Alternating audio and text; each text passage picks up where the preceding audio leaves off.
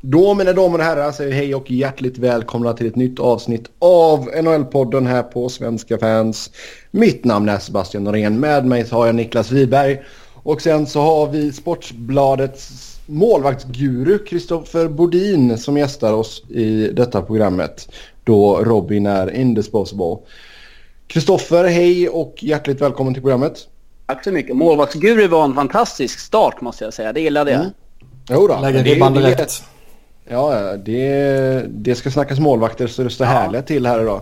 Vi har försökt så... få till det här ett tag nu men eh, äntligen så efter mycket om och men så är det, är det dags att, att nörda ner sig rejält i målvakter. Mm.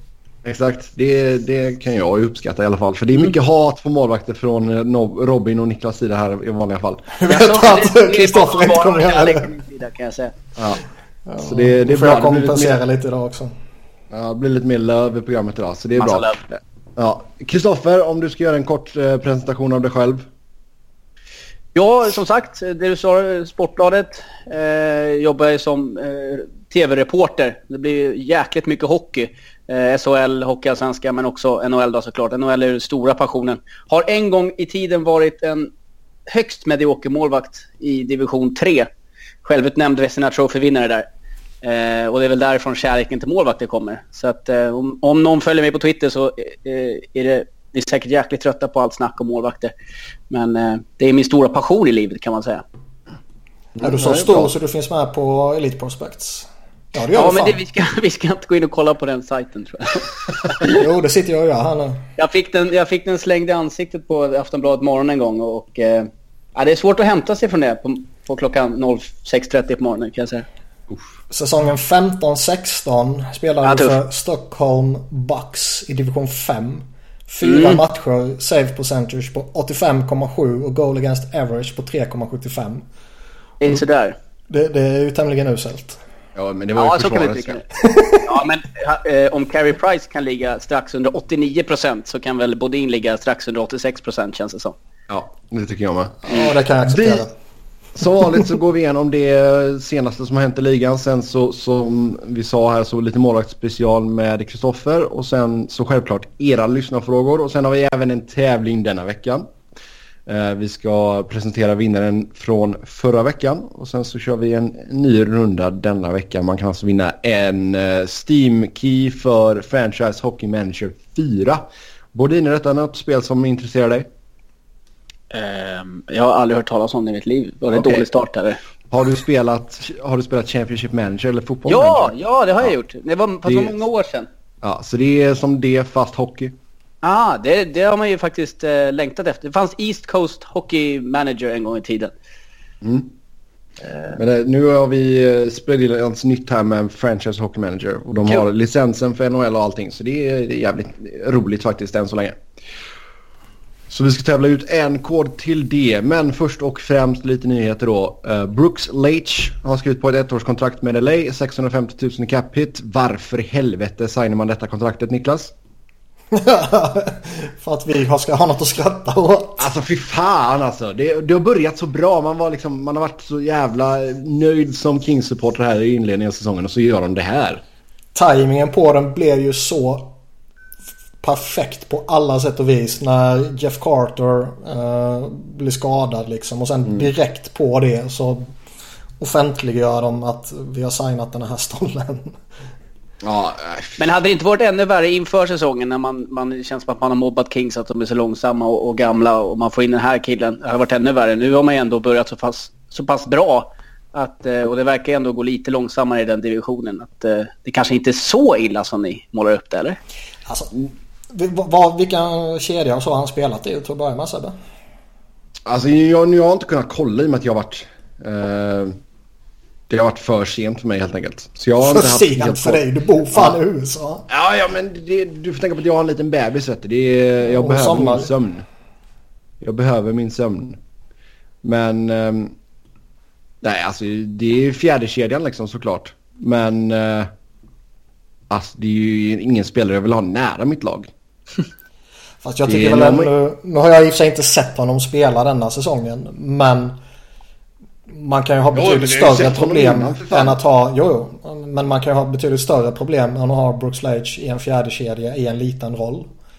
Eh, får han en, hamna i en sån fjärdekedja så vissa coacher envisas med genom att slänga ut dem i nyckelroller och överspela dem typ Hackstall i, i Flyers eller Islanders eller vad det kan vara liksom. Mm. Då är det ett problem ju.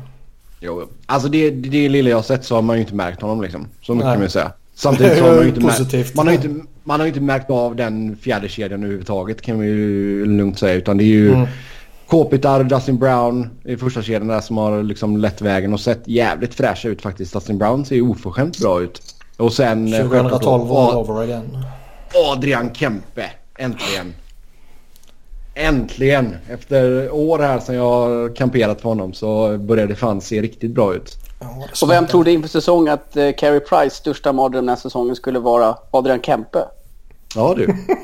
Det var nog inte många. Nej, den är svår, svår att tippa på tror jag. ja, den, de oddsen. Ja, och även Jonathan Quick har ju sett hyfsat eh, skarp ut och honom ska vi prata mer om sen när vi kommer till målvakterna såklart. Mm. Eh, sen så förlängde man med Derek Forbort också. Två år, 2,525 i capita. Och det är väl en helt okej okay, eh, liten bridge deal för honom där. Det är väl fortfarande en back man har vissa förhoppningar för och han har ju fått lira med Drew Doughty i första paret. Så eh, det är väl en helt okej okay peng för en komplementspelare till Doughty. Eh, Toronto har man också gjort en konstig signing. Roman Polak, ett år, 1,1 miljoner. Och det är samma sak här. Varför? Ja, men det är ju de här gamla dinosaurierna. De älskar ju de här spelartyperna. Ja, man har uppe Rosén istället. Jag menar det här, alltså Polak gör ju ingenting för Toronto. Jo, han gör skada. ja, jo. Touché, touché. Nej, jag är ju inte alls supporter av honom eller uh, den spelartypen. Uh, så jag, jag förstår väl egentligen inte varför men alltså jag fattar givetvis varför. De, fatt, de, de tycker ju att de behöver det där fysiska och rensa runt målburen och gå in i sarg och sådana där trams liksom. Blocka skott och bla bla bla. Um, jo, men det kan ju andra spelare göra också. Ja, men liksom ja, det är väl en viktig del att kunna typ rensa framför kassen i PK. Uh, ehm, viktigt att kunna ha någon form av fysiskt element liksom. Men idag så har man ju väldigt många lirare i ligan som behärskar både finliret och det fysiska. Så man behöver ju inte sådana här uh, nolldimensionella spelare. Nej. Bodin som målvaktsexpert då, är Polak en spelare du vill ha framför dig?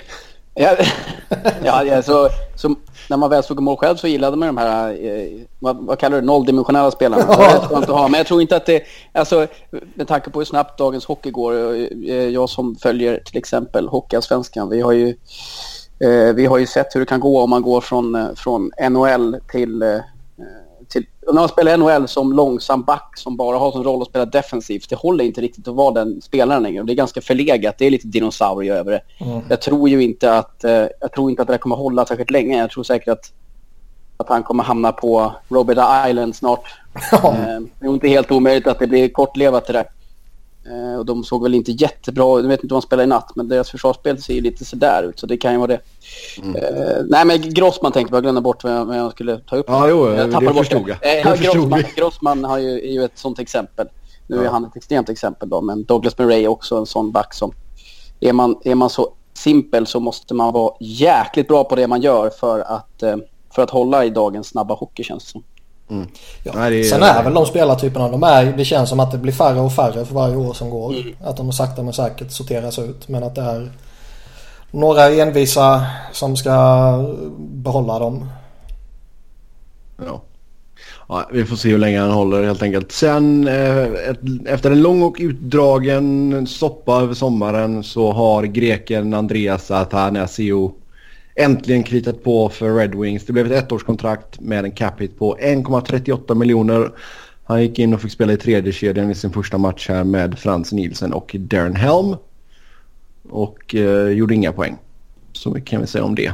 Eh, men det intressanta här är ju att kom, vad kommer hända i framtiden här? För nu har det, det har varit ganska in, infekterat får man väl ändå säga. Jag tycker väl det här visar väl bara på att man egentligen inte har några...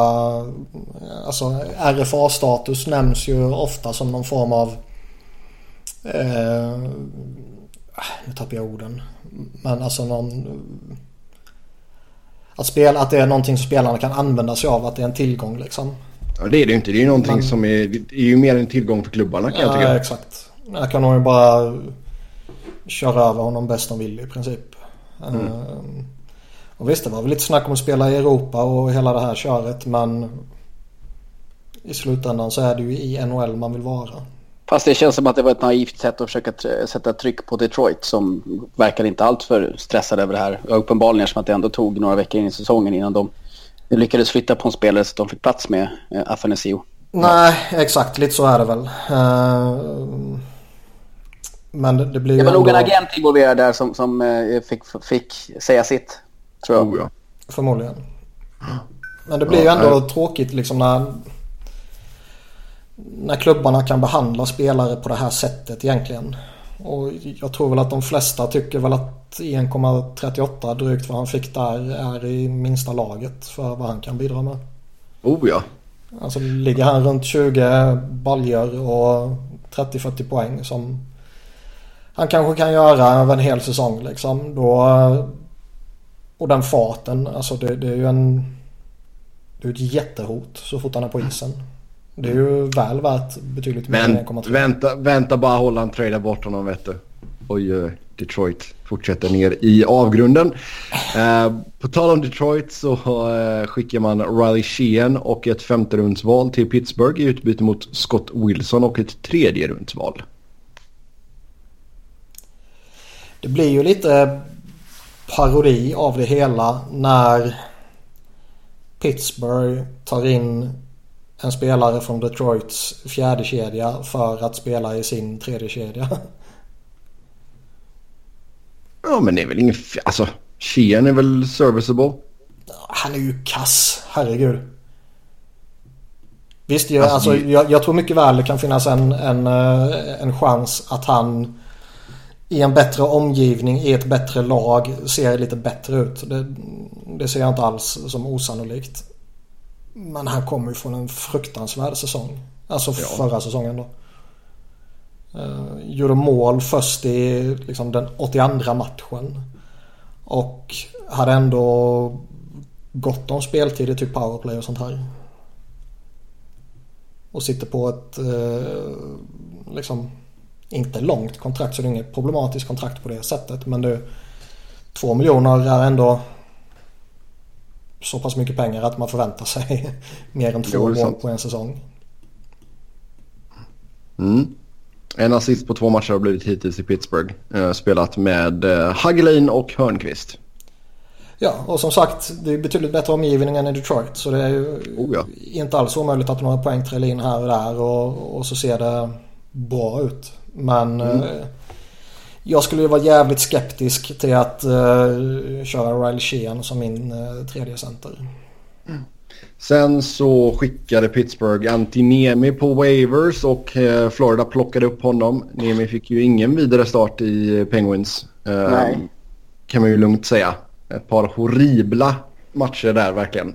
Vi snackade ju väldigt gott om denna signing inför säsongen. Gjorde ni det? Ja, fan 700 000 och ha Niemi som backup. Det är väl inga problem tänkte vi. Jag plockade liksom. upp den jävlen i mitt fantasylag. Det var... nu, nu, kom, nu, kom, nu, kom, nu kommer han spela i Pittsburgh. Han kanske inte kommer se över jävligt bra ut men han kommer få jättemånga segrar tänkte man i alla fall. Murray kommer inte spela 82 matcher direkt.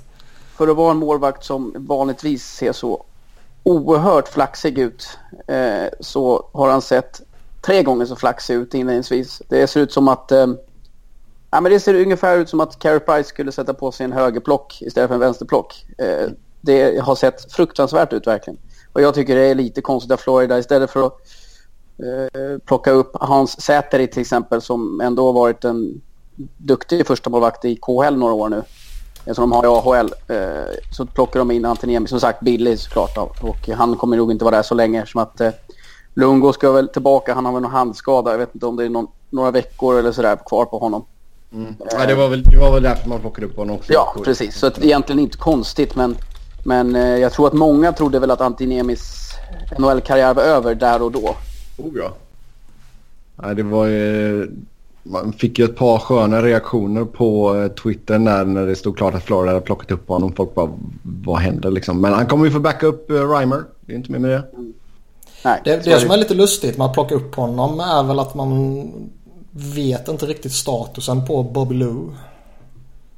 Nej, det är sant. Nej, det har inte blivit... Eh, det har inte kommit något, något, något besked där exakt hur länge han är borta, men... Nej, för skulle man veta att han är borta tre månader, ja då är det bara att plocka Niemi och, och chansa liksom. Istället för att genomföra en trade och, och ge upp tillgångar liksom. Mm. Men i alla fall häromdagen när det blev av och så här så visste de ju vad som snackades i media och på Twitter och så här och så visste de ju ingenting. Nej. Alltså Säter vill man väl kolla vad han kan göra i AHL som en, uh, som en starter liksom och sen... Uh, för han, kan ju, han måste ju gå igenom waivers för man kallar upp honom också. Mm. Uh, så det kan väl vara därför. Det. Vet jag inte. Ja. Har väl inte haft någon... Uh, ska vi se, vad har han spelat? Två matcher för? Ja, det, har inte varit, det var inte några jättesiffror. Det är ju så jävla... Oh, sample size. Så att, men men det, det, är här, det är ju inte fel att plocka upp eller plocka, plocka ner med från waivers eh, såvida han gör en habil insats som reservmålvakt. Men fortsätter han som gjort i Pittsburgh så är det ju bara att slänga honom till Ja, till Hajarna. Men, men då ja. låter han ska till Sharks. Det ska han ju inte. Nej. Ja, det får han gärna göra. Det går ju. Det hade varit kul. Eh, sen... Fast det borde ju, det borde ju alltså... Ja. Visst, han är ju inte ligans bästa målvakt direkt. Men för 700 borde han ju vara en tillgång tycker man. Mm. Uh, jag är jätteförvånad över att det gick som det gick i Pittsburgh. Ja. Ja, vi får se om han kan studsa tillbaka i Florida. Sen Varm Chipachov blev eh, nedskickad till AHL igen av Vegas och hans agent har fått tillåtelse att undersöka en trade. Alltså vad fan håller McPhee på med här? Alltså det är, ju, det är ju så jävla dåligt. Mm, alltså asset management här så det är ju skrämmande verkligen. Man vi har ju pratat om detta om det var förra eller för förra avsnittet. Alltså du plockar på dig så jävla många backar. Du lyckas inte flytta på dem. Du har inte tillräckligt med spelare som du kan skicka ner. Och då blir du tvungen att skicka ner en Chipachov som är tilltänkt som din första center liksom. Sen började ju, de börjar ju tugga och läcka nu om att nej men han har inte varit tillräckligt bra. Det är sportsliga anledningar som gör att... Nej men vad fan. Tre matcher. Tre ja. matcher liksom. Ett mål. Ja nej, nej nej. Alltså jag menar ju verkligen inte sitta här och uh, försvara beslutet. Jag är ju extremt kritisk till det här. Men... Uh, alltså, det är ju som bullshit va? Ja. Och det som jag kan tycka är lustigt är ju att de då kommer till det beslutet efter några enstaka matcher bara. Mm. Och det är alltså visst, han, sitter, han ju inte gett, eh, det är ju inte så att han sitter med något billigt kontrakt men det är, liksom, det är två år. Det är alltså, hade jag varit något annat lag så fan ta en chans för fan. Absolut. Men det är lite tråkigt för, för eh, nu har man väl inte en fantastisk koll på KHL kanske, men det finns ju många fina spelare där som man hade velat se kliva över till NHL. Men, men mm. Eh, när de ser såna här grejer hända så känns det inte särskilt roligt. Uh, jag menar Gusev eller uh, Mosiakin hade varit ballt att se liksom, i NHL såklart. Det, men uh, ja, jag vet inte. Man blir så imponerad när man ser såna här management. Nej, alltså det, de tar ju säkert både en och två liksom uh, funderare där och då gäller det verkligen att du får rätt lag och sådär. Men alltså tanken var att Chipachov skulle komma in och lira i första kedjan för dem och är jag, ja, säg att du är ett lag som har gått lite halvknackigt i början. Ett Montreal eller Arizona. Vad fan, ring McPhee här nu. Det är Chipachov på två år. Det ska inte vara några problem. Vore jag Rangers så skulle jag ta in honom direkt. Rangers, ja absolut. Uh, de ja, behöver han center, han de behöver lite skills. De behöver någon form av offensiv boost. Eller boost generellt. Ja, och jag menar, han har ju fått ut sin signingbonus redan på två millar. Så jag menar, du har tre miljoner i, i lön denna säsongen och sen fyra miljoner i lön nästa säsong. Men det är ju som någon skrev eh, på Twitter, så jag inte minns vem det var, någon av de här journalisterna liksom. Det, det är väl mycket möjligt att Chipachov inte funkar i det nordamerikanska sättet att spela hockey och bla bla bla. Men hur kan man veta det efter 30 minuters istid. Nej, det är riktigt, riktigt konstigt. Man, uh, nu, nu, tror jag att Vegas, det klassiska skiten, de har, de har börjat bra, överpresterat och det grövsta. Uh, och helt plötsligt så tror de att uh, nej, men vi behöver inte han. Vi klarar oss på det vi har. Och, och liksom ta det beslutet efter 30 minuters istid. Det, det bara visar på hur usla de är på att sköta det där laget. Mm. Vilket man fick känslan av redan under expansionsdraften och, och där runt omkring. Och eh, det bekräftas ju bara mer och mer. Mm. Ja, det var ju någon, jag kommer inte ihåg vem det var, men det var någon som twittrade att eh, eh, McPhee kanske tyckte han såg ut som en ung Filip Forsberg. Eh, så, eh, ja. Nej, jag, alltså jag vill ju se honom få en ordentlig chans i NHL och gärna göra det bra så man kan visa fingret åt McPhee. För jag tycker han har varit bedrövlig i inledningen för Vegas även fast laget har gått bra. Jag hoppas Sen... han hamnar någonstans och att han gör det riktigt bra. För det är en fantastiskt rolig spelare. Mm. Eh, det han har gjort de senaste åren i KHL och i VM. Där det är framförallt VM som i alla fall jag har följt honom då. Så är han ju en toppspelare i Europa liksom.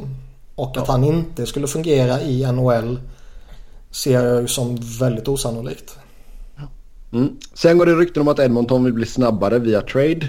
Vad, vad har vi för uh, speedsters där ute som kan tänka svara på deras radar? Jag bara säga snabbt innan där. Jag, jag, tycker väl att de gör ett fel beslut i sådana fall. För jag tycker snart att de ska sakta ner lite grann. Jag tycker de spelar lite naiv hockey under eh, Todd McClellan faktiskt. Eh, vilket delvis är en anledning till varför det läcker bakåt i vissa matcher. Eh, men det är väl, det är väl kanske en liten bitter målvaktsåsikt som jag har. För, för jag tycker att eh, det är en av anledningarna till varför Cam Talbot har haft en liten tung inledning mm. den här säsongen. Alltså det, ja, ryktet baseras väl tror jag på det här snacket om att det är bara Conor McDavid som är kvick. Tar man bort honom så är alla andra långsamma. Nej. Man behöver, nej men det, alltså det är inte vad jag säger utan ryktet baseras på det typ. Ja, ja, ryktet på stan. ja. uh, och att klassisk, man behöver bli klassisk, kvickare. Bryta in, bryta in med en film här också. Det är ju en sån här klassisk Johan Falk-line. Rykten på stan. um, men vadå, Dreisaitl är väl helt okej. Okay. Han är inte helt oövad på skridskorna. Nugent Hopkins har lite fart i brallorna.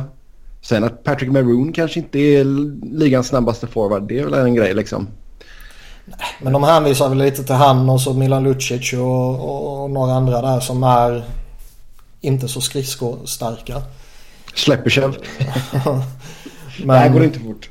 Men... Eh, alltså det, jag, jag kan väl tycka att det kan väl finnas ett problem om Conor McDavid är så pass mycket kvickare och skickligare än de han lirar med så att de inte hinner med liksom. Jo, jo men det, vem fan har den speeden liksom?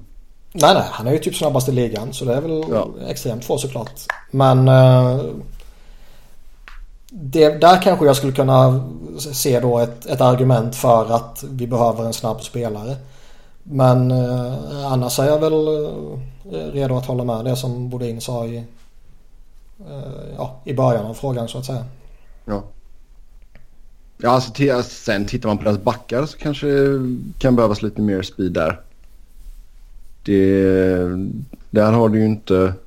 Chris Russell är ju en riktig... Vad ska man kalla det? Cementblock. Jo. Uh, Sen är det väl alltid lite sådär, alltså ska man generalisera så är väl Eastern lite speedig och Western är lite mer uh, tung liksom.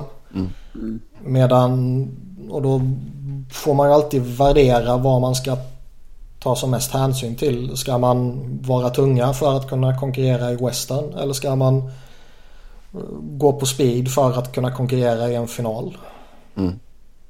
Ja, det är sant. Men Sen, man kan inte eh, ta sig till finalen om man inte kan konkurrera i western. Ja, det är sant. Eh, sen går det rykten om att Montreal kan offra Alex Galchenyuk eller Andrew Shaw. Um, jag såg någonting på Twitter om att det var någon som hade outat att Galchenyuk hade genomgått behandling för eh, missbruk. Ja, det var ju deras... Eh, vad heter han? Deras gamla coach. Oh. Eh, Tremblay. Ja. Hade ju gått ut och sagt att under sommaren hade han eh, varit på eh, sån här eh, detox. Vad säger man på Ja. svenska? ja, behandling. Ja, be, ja, behandling för några, om det var alkohol eller droger eller smärtstillande medicin eller whatever. Vet jag inte. Men eh, det finns ju, alltså man kan ju som spelare kan man ju göra det där anonymt utan att någon får reda på det. Eh, och då är det väl det här som ska ha gjorts då förutsätter jag. Mm. Och Mario Tremblay slänger ur sig då att som om det här var liksom allmänt känt i förbifarten sådär. Att han har varit på, på det två gånger om. Och det är ju rätt... eh, Det är en rätt stor grej liksom. Ja, absolut. Och eh, sen var det ju lite snack då om att Mark Bergevin fick ju givetvis frågor om det här. Eh, och att han eh, vet ju inte om det här i och med att hela eh, syftet med en, kunna göra det här anonymt är ju att lagen och coacher och GMs och så vidare inte ska få reda på det. Så han kan ju inte säga vare sig ja eller nej. Och ska inte kunna säga vare sig ja eller nej. Nej. Men då gnälls det ju lite över att han kanske inte backade Galchenyuk lika hårt som han borde gjort. Men det handlar väl inte om det när det kommer till trade. Det handlar väl om att Montreal måste ha någon slags panik nu och att Galchenyuk har väl inte riktigt återigen inte levererat och de skriker ju efter en tvåvägscenter. Mm, det är så oerhört konstigt att få in eh, Drouin bara för att, ja, det är Drouin, en fantastisk hockeyspelare och, men han är ju en ytter egentligen. Ytterforward och, och det känns som att man plockar in honom lite grann för att tillfredsställa fansen för att han är fransk-kanadensare, han är från Montreal. Han, eh, han älskar klubben och, och, och ja, tar väl inte så mycket alltså han, men det känns som att eh, känns som att de gjorde fel beslut från början och eh, eh, kommer in på det sen men Bergevin måste ju ryka eh, efter den här säsongen. Det är svårt att sparka en GM mitt i säsongen kanske. Oh ja. Jo, det, det, jag, har väl i sig inget emot egentligen att de tog in Drown för det är en förbannat duktig lirare. Däremot är det ju lustigt att man tar in honom och sätter honom som center och nu ska vi göra det till center. Ja. Eh, Jo, men och sen alltså vi har pratat om det här innan också, men just med Gal- Galchenyuk. Alltså det är en spelare som det känns som att de inte har haft eh, något förtroende för ganska länge då. nej, så är det. Så vi får väl se ifall han ryker eller om det blir eh, Andrew Shaw. Shaw var det till och med snack om att eh, de kan vara redo att behålla lön på sådana här. Och eh, han var ju i skiten nu igen häromdagen när han ska ha anklagats för att säga något homofobiskt i något utvisningsbås eller något sånt där. Jag minns inte exakt vad det var. Mm. Igen. Ja, men där hittade de inga bevis på att han hade sagt något och så vidare. Eh, Men han har ju inte heller eh, inlett så eh, överjävligt hett. Nej. Nej, Montreal är ett av lagen då som det surras om att de ska hitta på någonting. Samma sak med New York Rangers. Så hur, hur ser vi på dessa två lagen just nu? Vi börjar med Rangers. Vann de ju i natt va, mot Arizona men det var väl en... Ja. Ja, Det räknas inte mot Arizona. Nej, exakt. Lite så jag tänkte. Ehm, nej, men ehm, det är väl den här lilla klyschan att uh, finns inte förtroendet i spelartruppen för Alain Vignon så ska han ju ryka. Mm. Eh, sen så vet jag inte hur... Ja, jag har inga kontakter in i Rangers omklädningsrum men det är klart att den starten är ju katastrofusel. Jag tror Men att har- man skulle nästan... Man, man, man skulle nästan kunna sticka ut hakan och säga att de saknar Dan Girardi. Det trodde man inte inför den här säsongen. Där har vi veckans rubrik. Ja, det har vi. Lätt. Eh, har du inte Lundqvist på uh, speed dial? Nej, jag har faktiskt inte det. Jag ska kunna fixa, jag ska kanske kunna fixa fram det. Se om vi kan lösa något fort här. Nej, men alltså, det, det, det lite- Henke. Ja, exakt. Nej, men det, kän, det känns ju inte som att förtroendet riktigt finns där för Vigneault utan att ha insyn i spelartruppen så sett. Och jag menar liksom, alltså fansen har avskyr ju honom verkligen. Nu skickade man Ja. ner D'Angelo till AHL och blev ju fan ramaskri liksom. Ehm, så... eh, Fast det är Ja, ju nej. liksom när, när man... När man konstant hanterar backarna som han gör och, och konstant liksom lyfter fram Girardi och Mark Stahl och, och liksom upplever Keith Yandel som ett problem och upplever Shattenkirk som ett problem. Då sätter man sig själv i, en sits där man liksom uppmanar fansen till att ge mig skit. Ja, det är klart. Spela Shattenkirk i ett tredje par är ju kriminellt. Mm. Det känns som att Rangers problem är mer lättlöst än vad Montreals är. Just vad jag är inne på tidigare. Jag, jag tycker absolut inte man ska sparka Claude Julien i, Montreal. Men däremot sparka Helen Vignon. Då har man ju en, en, en reboot eh, efter en katastrofstart i oktober här för Rangers. Mm. Det, känns givet tycker jag att man ska göra det. Mm. Vad är då problemet för Montreal? Du har ju ett problem där bak som vi kommer komma in på lite senare antar jag. I uh, Carey Price. Uh, sen så har jag inte sett uh, så många av deras matcher men uh, de har väl problem både fram och bak. Det, det, är ju inte... Det verkar vara strul överallt, höll jag på att säga. Mm. Niklas myser. Nej men det är ju skitskoj att se Montreal och Rangers i botten. Och så Henke dödar mitt fantasylag. Och får ju en inte att tycka om honom mer om man säger så.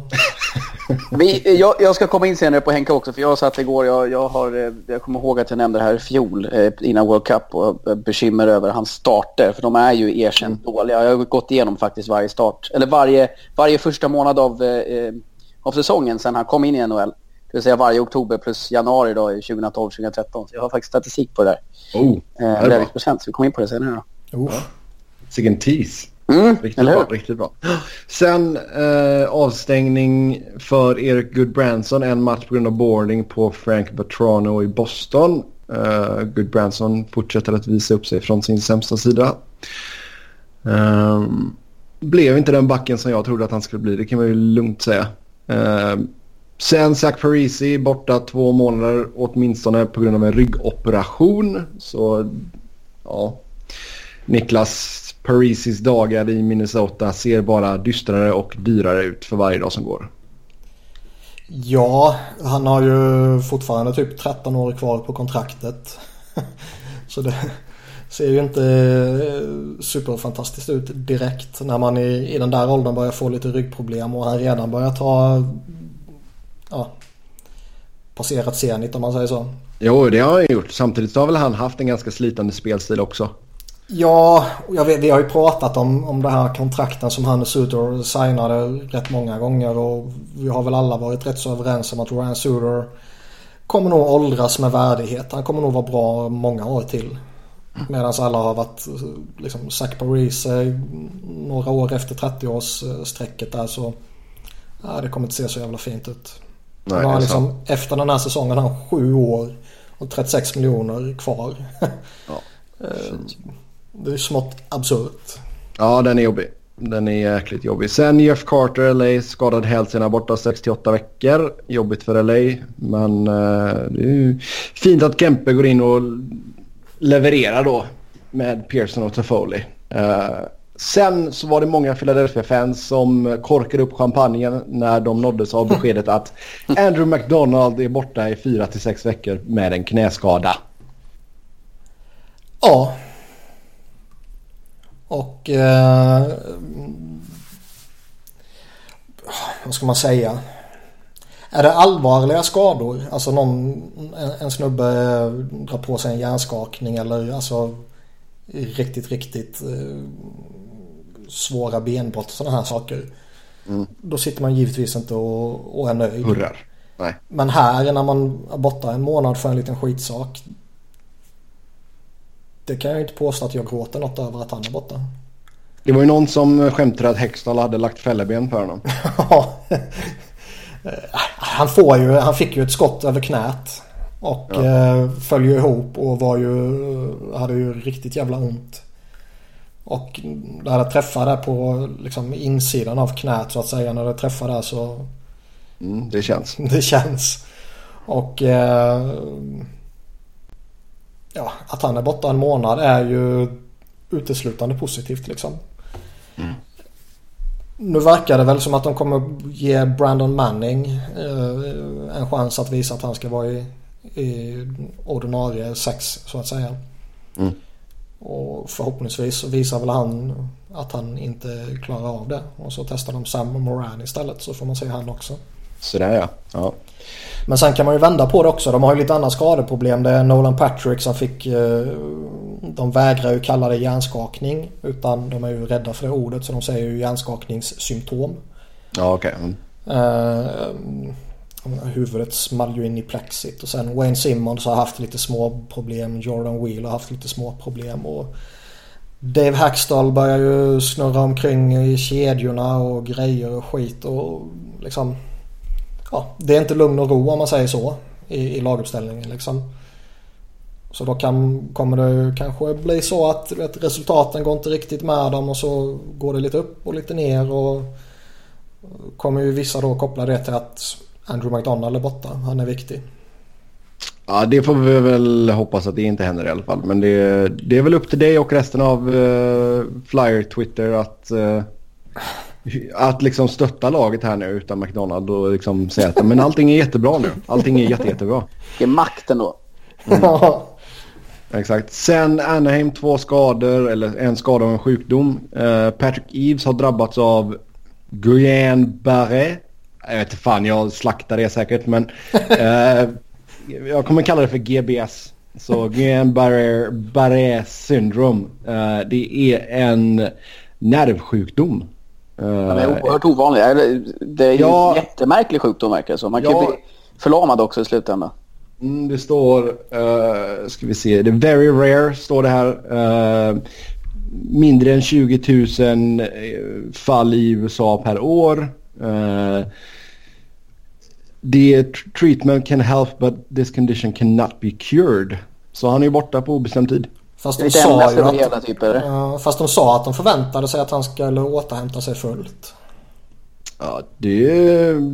Men vad det innebär som... vet jag inte. Nej. Uh, alltså det är, man ska alltså göra, ska vi se. Uh, liksom immunförsvaret angriper nervtrådar och nervceller. Ja. Liksom. Men det är väl lite MS typ? Eller? Jag kan inte det. Jag... Nej, jag är ingen doktor. Det är inte Niklas heller. Det ska gudarna veta. Nej, det är inte jag heller. Så då var det problemet löst hörni. Ja. Men eh, tydligen så gör man lite blodtransfusioner och byter plasma och immunoglobin och allt möjligt. Så vi får väl hoppas att han kan återhämta sig från det självklart. Sen kan Fowler knäskadad borta en månad så problemen fortsätter för dags på backsidan i alla fall. Um, de håller sig, ja, man får väl ändå säga att de under en väldigt skadefylld inledning ändå har gjort det bra. Att gå 4-4-1 under de förutsättningarna kan man ju verkligen inte klaga på. Nej, alltså det är, det är ju bara att försöka hålla sig flytande här liksom. Ja, det är inte typ. mer, för jag menar, var bort, nu Vatanen och Fowler borta liksom. Du har fått tillbaka Lindholm i alla fall. Uh, sen har du väl uh, Kessler lite... är borta. Säg vad man vill om honom. Men han är ju fortfarande jo. så pass bra så att han är viktig för dem. Och sen har du ju lite flyt att Bjäxa kommer vara borta här nu. ja, men Ryan, Ryan Miller är skadad också. 8-3 förlust i natt mot, eh, mot, mot Florida av alla lag, jag på att säga. Ja. Det är ju inte jätteförtroendeingivande. Nej, verkligen inte. Mm. Eh, så så är det med det och sen hade vi ju en ganska konstig situation här i veckan. Colorado fick ett underkänt mål efter en offside challenge av St. Louis Blues. Och uh, sedan går ligan ut och säger att ups, där blev det fel. Målet skulle egentligen ha godkänts. Niklas, kan du måla upp en ordbild över den här situationen? Eller vill du att jag ska göra det? Ja, jag, alltså förklara vad som hände. Är det det du menar? Ja, exakt. En ordbild. Um, alltså, he, hela, hela grejen handlar väl om att uh, situationen inte var challengebar. För att det var en ny situation. Exakt. André fick, situation. Ja, Andrighetto fick pucken i ett offside-läge, tog pucken ur zon, gick in igen. Då är det alltså en ny situation. Mm. Och så passar han fram till Rantanen som sprätt in pucken i mål. Så detta skulle ju inte vara challengeable och det är ju bedrövligt att domarna inte kan sin egen jävla regelbok. Och Coaches Challenge kan dra åt helvete. Det är mina två cents på den situationen i alla fall. Eh, jag backar gärna upp domarhat på alla sätt och vis. Och eh, jag eh, tycker också att challenge är trams. Alltså oavsett om det är offside eller om det är goaltender interference man pratar om så Alltså målvakter ska ju skyddas och i många situationer ska de överskyddas för de är så exponerade för liksom farliga saker. Absolut. Men ta, jo, men... ta, nu, nu är, ta, ta liksom det som hände mellan Flyers och Ottawa. Där Jordan Wheel står och ställ, liksom står still i målområdet. Han gör ingenting. Craig Anderson åker ut och lägger typ eh, plocken över ryggslutet på honom.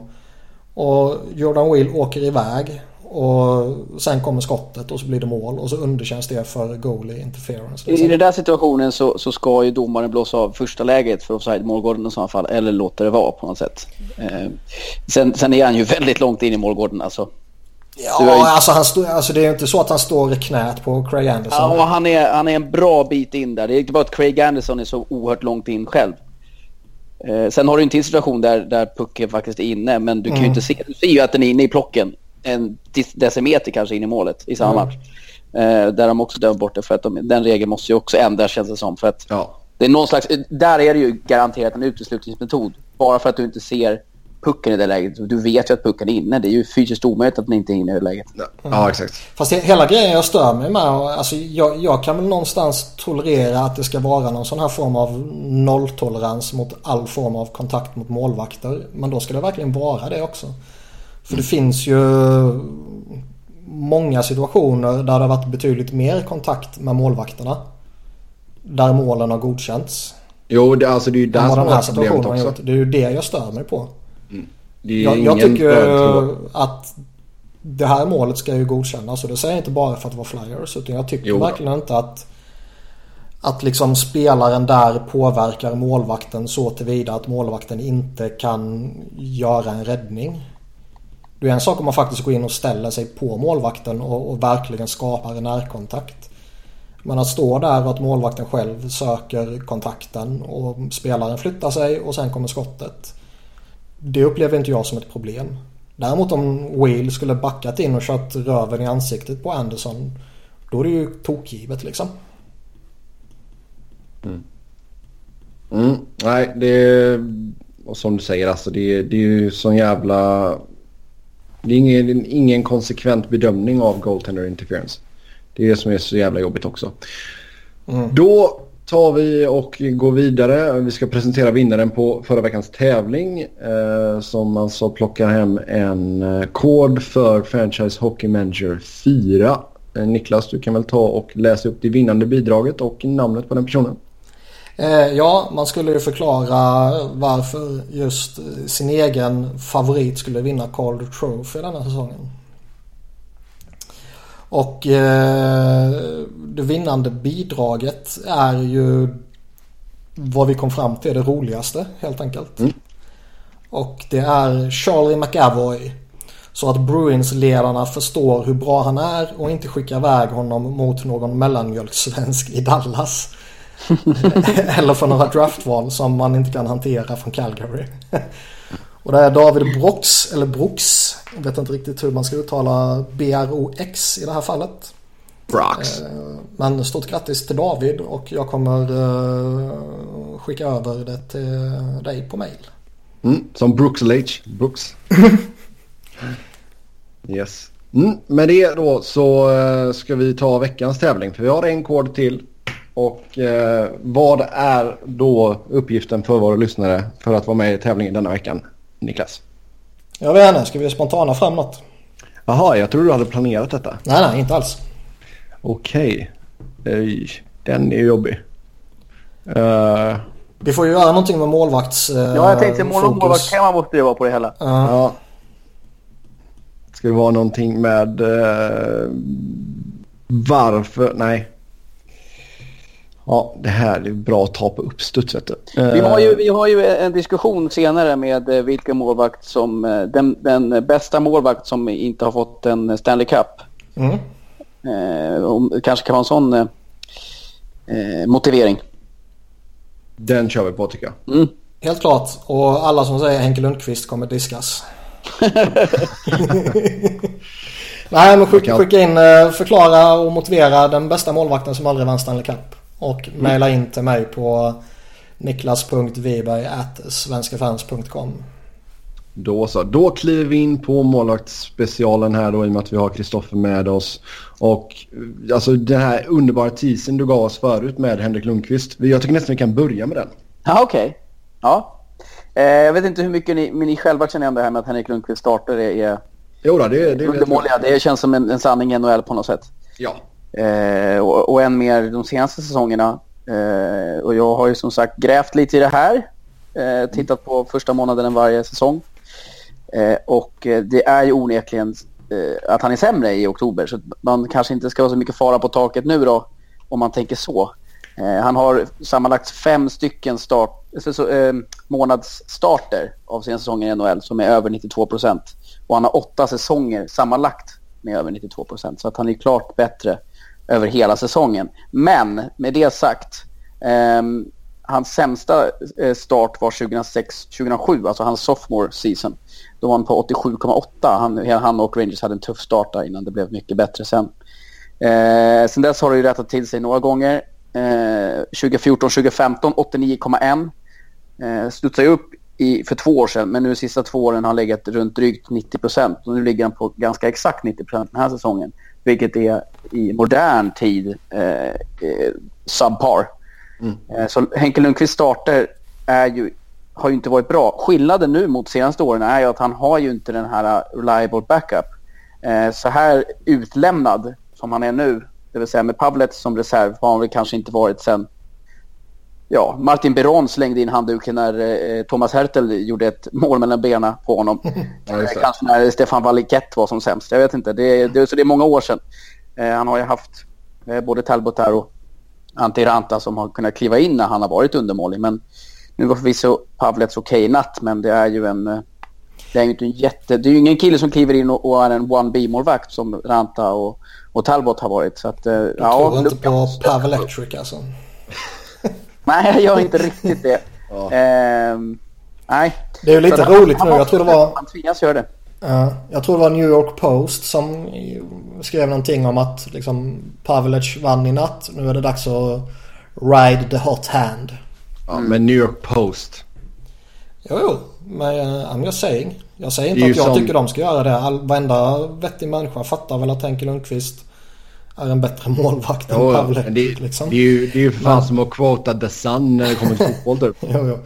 Men, men Henke, äh... Henke, har mycket problem just nu. Han, mm. eh, han, jobbar ju, han är ju målvakt som jobbar långt in, eller väldigt långt in jobbar han ju. Eh, och, och eh, litar ju så oerhört mycket på sina reflexer eh, och på sitt, sin eh, ja, fantastiska spelförståelse. Men frågan om de här reflexerna kanske börjar, eh, börjar tunnas ut lite grann nu med hans ålder och, och då ja. kan det gå snabbt ut för det jag är bekymrad över. Jo, ja men det är väl lite här, fan han har kommit upp i åldern nu liksom. Mm, och man ser ju det, man släpper ju enkla puckar för att det, det blir ju svår, alla puckar blir ju lite svårare när man står så långt in om du inte har så fantastiska reflexer som han, han ändå har. Eh, vi såg ju en sån som eh, målet på Tim Hed, där var han ju inte bara felplacerad, utan reagerade väldigt sent också. Mm. Mm, ja, där gick, han på, där gick han på Heds. Heds fintade ju, han tittade ju inåt för passningen och så bara... Ja. Så det är väl helt okej för Hed att göra första målet på Lundqvist i alla fall. Så eh, det finns fog för oroligheter kring Henke, absolut, igen. Men det finns Vilka vackra ord. Ja, eller hur? men det finns också anledning till att eh, ja, kanske ta det lite lugnt för att han börjar dåligt rätt ofta. Alltså, jag, jag, är ju tämligen övertygad om att han kommer uh, studsa tillbaka. Uh, visst, på, på sikt, det är väl klart att han har passerat sin prime liksom. Och på sikt så finns det väl en viss oro över det kontraktet. Men eh, kortsiktigt skulle jag inte sitta och oroa mig ett dugg om jag vore hemska tanke Rangers-supporter. Mm. han kommer studsa upp, det är jag säker på. Han snittar ungefär 92,0 över hela sin eh, NHL-karriär och eh, snittar 91,5 ungefär i, om man kollar på första månaden eh, i alla säsonger han har spelat. Så att han är ju eh, klart bättre eh, än vad han visar nu. Så jag tror han kommer studsa upp. Däremot så kommer det vara en decline. Eh, och det är inte konstigt med tanke på hans ålder. Ska man ge honom någonting dock så har han ju alltså nästan alltid, känns det som i alla fall, när Det kommer ju då om då om typ alla målvakter de är inne i en formsvacka eller det går lite tungt för laget i ett slutspel och, och så får målvakten massa skit för det liksom. Men alltid när han har hamnat i ett läge där det känns som att okej okay, nu är det på väg att skita sig. Av olika anledningar så har han alltid kommit tillbaka. Precis som att han, ja, men han, han välkomnar den, den utmaningen och övervinner den utmaningen. Det, det, måste man ge honom liksom. Jo, det är en jävla vinnarskalle. Det är det mm. Absolut. Han har Om jobbat vi... en mängd säsonger med Allaire där så att, som målvaktstränare i, i Rangers. Ja, sen han kom till, till eh, NHL egentligen då. Så jag tror att de, de vet ungefär vad de ska trycka på. Och, så att, nej, men han kommer slussa tillbaka. Mm. Mm.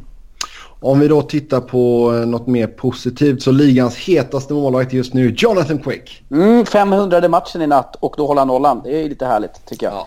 Eh, nej men han, är, han har ju varit helt magnifik och jag är lite bekymrad över hans skadesituation där just med tanke på vilken oerhört eh, rörlig målvakt han är. Alltså, Det är ju en överlägset mest, eh, eh, överlägset mest atletiska målvakten i ligan. Och få en, en sån skala som han fick i fjol känns som att då kan det ja, börjar gå ut för. Men det har det verkligen inte gjort. Och tillsammans med King så har han ju varit helt fantastisk. Quick är ju en habil målvakt. Alltså han, han, han är ju en sån winning goalie också som, som jänkarna och kandensarna älskar. Men statistiskt så är han ju inte mer än kanske 91,2, 91,3 varje säsong. Nu har han ju börjat helt magnifikt. Det kommer, ju, det kommer ju dunsta av lite grann, det är jag rätt säker på. Han är en av de som kommer få sämre statistik efter hela säsongen än vad han, han har nu. Men han kommer också spela kanske en, en ja, 65-70 matcher. Mm. Jo men alltså det, jag, tror på ett sätt så kan nog skadan ha varit en liten blessing i disguise att han ändå så fick vi, han har spelat så jävla många matcher. Mm. Absolut. Uh, så det kan nog ha varit bra för honom. Sen som sagt, jag får ju ta mycket skit för skick i den här podden. Uh, men ja, den här vi... sekvensen kommer jag ju klippa bort när vi sitter och pratar bort, bort om quick liksom. Nej men alltså det, visst han, han kanske är liksom mell, average.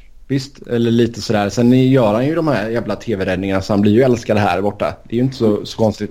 Och sen har han liksom ändå varit med och vunnit två kupper med Kings. Så det är klart att han hypas. Uh, och på, men jag menar, hans högsta nivå är det ju få som kan mäta sig med. Han kan ju verkligen stänga igen butiken och göra de här idioträddningarna som behövs ibland för att vinna match. Um, så det är kul att se att han har fått en bra inledning på säsongen. Som sagt, Kristoffer jag håller med dig där. Jag tror inte han kommer att hålla uppe de här siffrorna eh, hela säsongen. Då... Eh, Nej, då, då kan han inte ta hem resten redan nu. Men jag tror att det kommer sjunka ja. rätt, så, rätt så rejält. Han kommer nog landa runt sina behagliga 91,5 eller sådär. Och ligga topp top 10 någonstans. Känns ju ja. som att Kings också kommer plana ut. Ja. Eh, så det är nog gamla, samma gamla Quick som vi ser. Och det är ju inte fy skam det heller. Man säga. Nej, alltså, så, så länge man tar sig till, alltså kan man knipa en slutspelsplats så har man visat förut att även om man kommer in som sista laget så kan allting hända. Mm. Andra målvakter som har startat bra, är det några du vill lyfta fram här? En liten ryss i Tampa Bay kanske? Ja, absolut. Eh, och jag tror att eh, om jag minns rätt så var det väl, han slog nog rekord flest vinster i rad i början av säsong, säsong eller liknande för Tampa. De har ju statistik på allt där borta men Vasilevski eh, får ju verkligen kliva fram här nu när eh, när Big Ben är borta från, eh, från Tampa. Tampa har ju såklart börjat helt magnifikt men, men han har sett jävligt bra ut och eh, eh just nu ska jag säga att han är eh, etta när det kommer till favoriter för Vessina i alla fall. Eh, de har sett inledningsvis för han ser så oerhört trygg ut samtidigt som han, eh, han, gör, han gör en del idioträddningar han också. Så att eh, Vasilevski är en av de de bättre inledningsvis. Eh, inte bara statistiskt utan även hur det ser ut i spelet. Han, han ser väldigt lugn och, och trygg ut. Eh, samma med Bobrovski fortsätter som han var i fjol. Eh, han gick ju ner ska vi säga, han tog 8 kilo och sånt där inför förra säsongen. Eh, och, det är ganska mycket nog. Ja, det var mycket. Och jag kommer ihåg man såg, jag var borta på World Cup och så såg man Bobrovski och tänkte wow, vad har hänt? Eh, det är faktiskt en av trenderna där som jag kommer in på senare bland målvakter. Den ska vara lite lättare och lite rörligare än, än vad man var i mitten av 2000-talet. Bobrovski har ju, eh, har, ju, eh, har ju haft några svajiga säsonger onekligen. Mm. Eh, gått lite upp och ner varannan säsong har varit, men, men han har varit riktigt bra. Crawford också, den, den största hatmålvakten bland alla målvakter känns som NHL av någon anledning. Fortsätter också vara fantastisk. Känns som att han är sammanspelt med, med sin försvars, eh, för försvarsspelet där i, eh, i Chicago. Så att, men det är många som har börjat bra. Rinne har också börjat bra. Jag trodde faktiskt inte att han skulle göra det. Han är ju en, en hot and cold-målvakt. Han kan ju mm. stå, där kan man snacka en kille med hög högsta nivå. Mm. Jag ser ju Rinne kanske som den som är högst högsta nivå. Eh, kanske till och med Jaroslav Halak också. Han kan ju spika igen från ingenstans. Eh, men han har, han har varit riktigt bra. Smith och Holtby måste man nämna också. Eh, Holtby är inga konstigheter. Han fortsätter väl på inslagen väg. Eh, Smith, kul att han, han är så bra i Calgary. Nej, det är inte alls kul. inte? Nej, jag tycker, det, jag tycker det är häftigt. Eh, härlig målvakt. Fantastiskt roligt att titta på med, med klubban också. Det är ju, ja, han är väl den bästa i ligan, eh, tycker jag, med spelet med klubban. Det, det, är kul att se också. Vad ser du på, hur, eller hur ser du på det här att det är just honom som Calgary går efter när de, enligt dem själva i alla fall, ska vara en contender och utmana om kuppen? Calgary kommer väl, eh, tänker jag väl hur de tänker själva också, vara ett, ett lag som ska utmana i flera år framöver. Mm. Och då vet jag väl inte hur många år till han håller faktiskt om jag ska vara ärlig. Eh, så att jag tyckte väl att, ja, jag, jag, tror att de, jag tror att de hellre hade haft Ben Bishop. Det är en lite mer stabilare målvakt. Eh, Mike Smith är ju klart mer atletisk och kan på så sätt också ha en hel del eh, ja, han kan ha hot streaks, men han kan också vara kall ibland. Riktigt kall. Eh, men eh, ja, jag vet inte om det är framtidsmålvakten för dem, men just nu är han ju onekligen riktigt bra. Mm. Äh, målvakt som inlett lite sämre då. Vi pratade ju om Lundqvist. Mm. Vad finns det mer för grabbar att lyfta ja, det finns, fram där? Det finns några givna. Carey Price såklart. Eh, som ska vara världens bästa målvakt. Han har ju fått någon slags gloria Eh, ja, alla tycker att han är bäst, så är det helt enkelt. Det är, mm. Carey Price 1, 2, 3, sen kanske kommer kanske Bobrovski och Holtby kommer. Fullt så fantastiskt överlägsen är han ju inte. Eh, han har framförallt så har han ju sett eh, han har sett svajig ut inledningsvis. Och det säger jag inte bara för att han släppte in mycket mål. Men han släpper många gubbhörnet. Han, eh, han går ner tidigt. Eh, han står upp på konstiga skott. Eh, han tar många felbeslut. Och det märks på honom att, att han är frustrerad. Han stod väl och, och hackade sönder klubban här för några dagar sedan också. Mm. Så att, eh, och Al Montoya bakom har inte varit mycket bättre så det har ju varit rätt tufft för honom. Han kommer ju landa, han kommer ju landa någonstans över 92. Jag tror att han har fyra eller fem säsonger i rad han har minst 92,1 procent eller sådär. Så att han kommer ju landa, han har inte blivit en sämre målvakt, det är bara att han spelar ett skitlag. Eh, sen är det några givna också, när jag fortsätter Steve Mason jag trodde aldrig på Steve Mason och, jag är oerhört trött på det här snacket med underliggande siffror på Steve Mason. Att han är så fantastisk i spel 5 mot 5. Hör jag det en gång till så, så tror jag att jag, jag vet inte, flyttat till, flyttat till Island eller någonting. Ja. Eh, han var ju så, faktiskt det dock. Ja, jag vet, men, det är, ja, ja, men man kan ju hålla på och räkna statistik hur mycket som helst. Men släpper man ett mål i boxplay så påverkar ju det självförtroendet. Det påverkar hur, hur säker du är som målvakt. Han, eh, Framförallt när det kommer till, till, när man ska ställa sig där igen i boxplay och så fort det är en spelare framför en så blir du bekymrad. Du tänker, mm. vad är pucken? Jag hittar inte pucken. Och det är ju en av hans stora problem, att han hittar inte pucken i boxplay.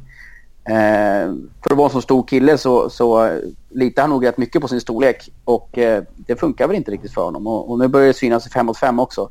Jag tycker det är en överskattad målvakt och jag tycker det är lite skönt faktiskt att det gått dåligt för honom. Så folk ska förstå att han är inte så bra. Han har haft ungefär en bra säsong och var han eh, blev eh, årets rookie. Sen efter det mm. så tycker jag att det har varit en, en överskattad målvakt som har levt på den meriten väldigt mycket. Jag tycker eh, snarare faktiskt att han fick lite väl mycket skit under de första åren i Philadelphia. Där folk liksom fortfarande pekar på att han var usel i Columbus. Därför är han usel i Philadelphia liksom. Och visst, han är ju liksom ingen... Vad ska man säga? Han, han, var ju liksom inte arvtagaren till Bernie Parent eller Ron Hextall och Pelle Lindberg och sådär. Men jag tycker ändå att han var en tillräckligt bra målvakt för att man ska kunna göra någonting med honom. Fram till sista året. Och detta året då givetvis. Och jag är ju nöjd över att man inte signade ett långt och dyrt kontrakt med honom. Mm. Sen har han spelat tre matcher också. Det, det går ju att dra slutsatser på det. Men det, det jag menar med tidigare lilla Eh, jag lät nästan arg när jag, när jag pratade om hans underliggande siffror. Men, men att han, han låter över, jag tycker att han har varit överskattad av den anledningen. Sen är han ju han en habil målvakt. Som, mm. som ska kunna vara en one, one B i ett NHL-lag.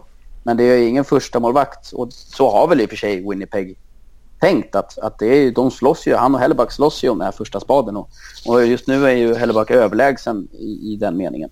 Mm. Eh, sen är det väl andra som har haft det lite tufft inledningsvis, inledningsvis såklart. Eh, I kanadensiska lagen. Eh, Andersen har ju många segrar men statistiskt är han medioker. Han, är ju, han förlitar sig väldigt mycket på sitt lag och det såg man i fjol också. Han kom, mm. han kom igång så kom laget igång och vice versa. Jag tror att han kommer att höja sig när, när den här uh, oktober månad som är så sjuk på många sätt och vis uh, lugnar ner sig lite grann och vi kommer in i lite mer normala uh, siffror när det kommer till målskytte och så vidare.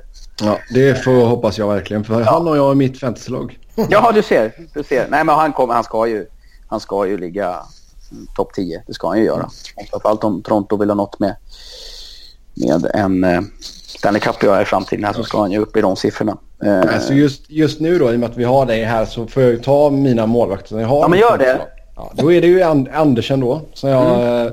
Honom och Tukarask hade jag kvar som keepers. Vi kör en keeperliga. Uh, sen så plockade jag in Brian Elliott. Uh, för jag, jag, var tvungen att ha en, åtminstone tre starters liksom. Mm. Uh, för målvakter är alldeles för overpowered i vår liga tyvärr. och sen så plockade jag in Oskar Dansk här nu när Rask var borta. Ja, det var, Oskar Dansk är en härlig saga. Mm. Så vi får se vad han kan göra i natt mot Colorado. för sen, sen blir det dags att droppa honom för Rask är ju hel igen nu. Ja, precis. Mm. Vad, vad tycker du om Elliot? Nej, Brian Elliot. Supporten i är nyfiken. Nej, men jag, jag tycker han börjar se långsam ut. Han är ju bara 32 år så han borde ju inte börja se långsam ut. Men mm. man ser det som decline på vissa, vissa målvakter hyfsat tidigt som... Eh, ja, men till exempel på en sån som Jean Sebastian Giger i slutet av sin karriär. Jag tänker ungefär liknande. Han var, såg också plötsligt så såg han jättelångsam ut. Mm. Eh, jag, jag, tycker att Brian Elliott ser lite liknande ut nu. Sen vet jag inte, han hade ju en hot streak i fjol i, i, efter årsskiftet vill jag minnas, eh, innan slutspelet där. Eh, så att han kanske studsar tillbaka, men, men det jag har sett så ser det ju inte bra ut. Nu har ju Neuvert varit jäkligt bra istället mm. i, i Flyers då, så, att, eh, så kanske att man kan få en räddning via det sättet. Men eh, jag trodde faktiskt att Elliot skulle kunna studsa tillbaka och vara, för han, han trivs ju onekligen i rollen som eh, 1A, 1B målvakt. I alla mm. fall han gjort det i St. Louis då. Men eh, ja, jag vet inte. Jag tycker man, det börjar se illa ut. Man blev ju lite orolig när han... Eh, jag minns inte om det var när det var klart att han skulle lämna Calgary eller när det blev klart att han skulle till Philly. Men någonstans där omkring och han skulle förklara varför det, gick som det gick i, i Flames typ. Då började han prata lite om att det var svårt att komma till ett nytt lag och anpassa sig till ett nytt system. Typ. Mm. Och det var därför det gick så... Hitchcock för länge. Ja, och det var därför det gick så uselt för honom i början. Och sen blev han petad. Och sen kom han tillbaka och, och som du sa så en hot streak där liksom. Och det är inte direkt förtroendeingivande att höra det av ett nyförvärv. det är svårt att komma till ett nytt lag och lära sig ett nytt system. Framförallt när många andra spelare har, och det sipprar ut lite snabbt om att Dave Hackstalls system är rätt avancerat att lära sig. Och det tar lite tid att sätta, sig, eller sätta det. Mm. Ja, det kan ju vara anledningen till också såklart ändå. Det är han, det är han inne på eh, med Calgary. Det är likadant i, i Flyers. Jag tror säkert det är så med några andra av nyförvärven som inte har... Ja, men Mason då till exempel kan ju vara en anledning. Mm. Eh, Scott Darling absolut tror jag att det är en stor anledning att komma från eh, ganska tryggt coach Q-system där, där, där man vet, jag tror man är rätt säker på exakt vad man gör hela tiden. Och eh, komma in som första mörkt första gången i sitt liv i, i Carolina, då, ja, Scott Darling har ju haft det, också haft det tungt i början. Mm. Eh, och jag, han kommer nog vara okej okay när man sammanfattar säsongen, men han är ju långt ifrån en messias för, för, eh, för Carolina. Om vi tittar på ett par intressanta lag här då. Så Pittsburgh med Niemi borta. Då är det Matt Murray såklart då som är dundergiven etta. Och sen har man Casey DeSmith uppe nu som backup. Mm. Eh, vad, vad, tro, vad, tror du att Penguins kommer göra här i, i framtiden? Jag tror att de kommer att eh, försöka, eller testa Casey DeSmith helt enkelt. Han har ju varit fantastisk start i AHL. Eh, Eh, Tristan Jerry är ju egentligen, han är fyra år yngre där än vad Casey DeSmith är och han är ju egentligen den naturliga arvtagaren på reservmålvaktsposten om man säger så.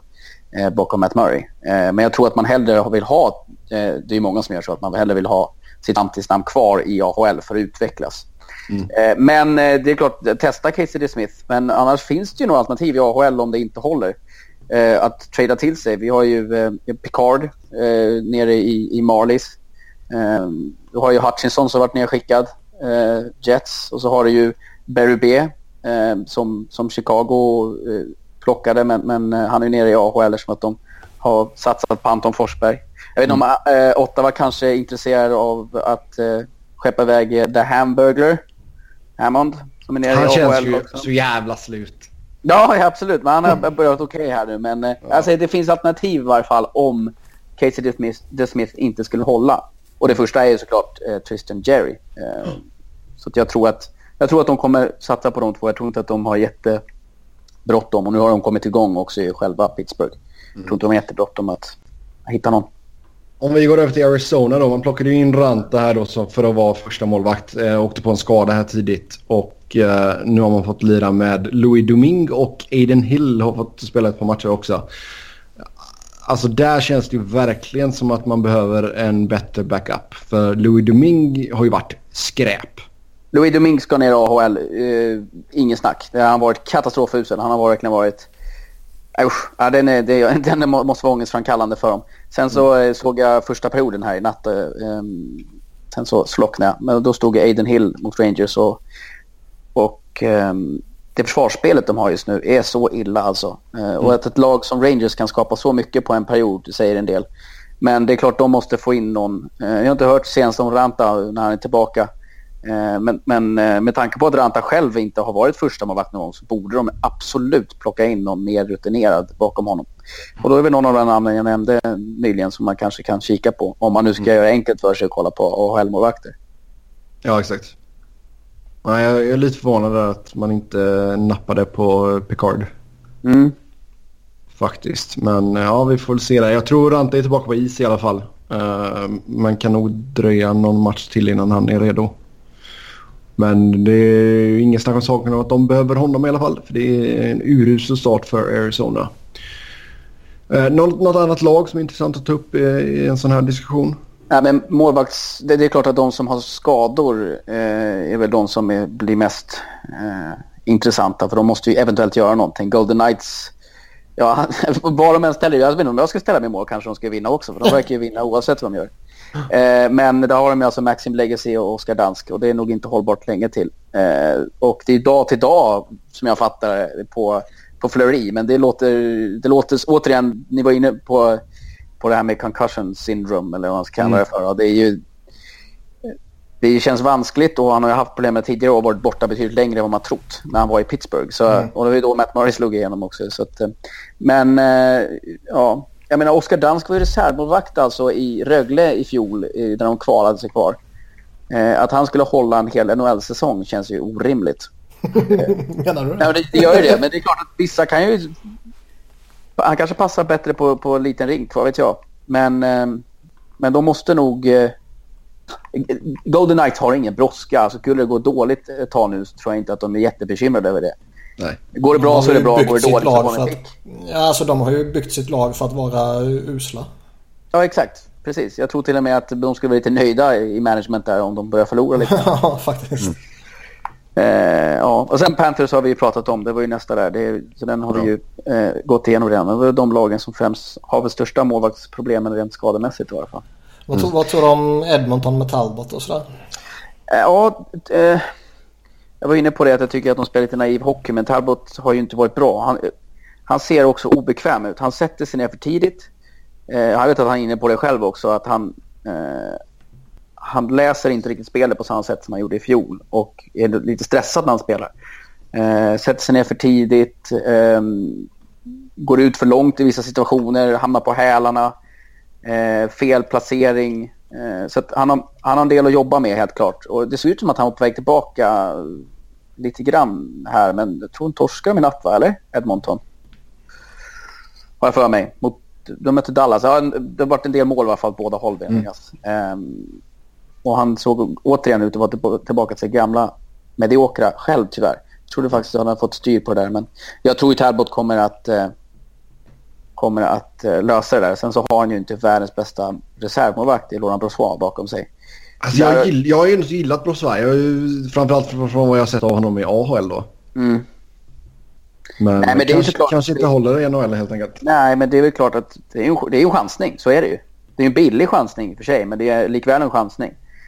Eh, och frågan är om de kanske skulle gått på ett mer rutinerat namn. Men de vet att, att Talbot spelade så jäkla mycket matcher i fjol och vill de gå långt i slutspelet så måste han vara fräsch. Ja, Frågan är om är det om han spelar 73 matcher. Jag tror inte det. nej. Sen du eh, snackade om att Bobrovski hade gått ner i vikt eh, och att det är en trend Men, som vi ser vänta nu. innan vi går in på trender bara. Vi hade en rätt intressant grej i, i Dallas eh, förra Ja. här om natten och sånt här. Där Ben Bishop går ut och liksom kritiserar beslutet att Hitchcock eh, pullade honom. Ja, jag vet inte.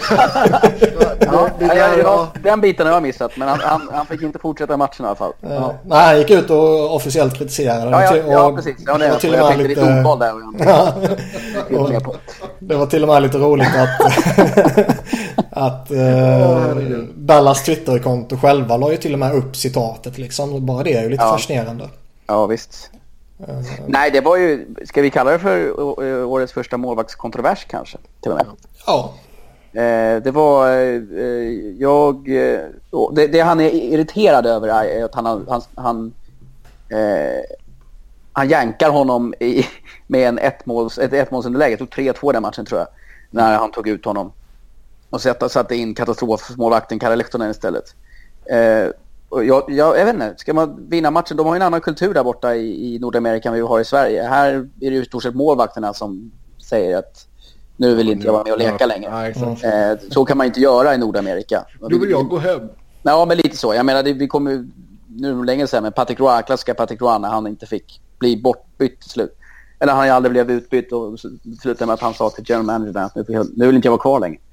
Eh, så illa är det inte i det här fallet. Eh, jag tror att det är två tävlingsmänniskor som, eh, ja, som inte håller med varandra bara. Punkt slut. Han vill stå, han vill vinna matchen och han vill hjälpa sitt lag. Och det är samma gäller för Ken Hitchcock. Han vill hjälpa sitt lag. Jag, jag tror inte att som målvakt att du ska ge dig in i den fighten med media utan du ska nog ta det där internt för det där kan eskalera fort annars. vad, vad tror du annars om Dallas beslut att signa honom?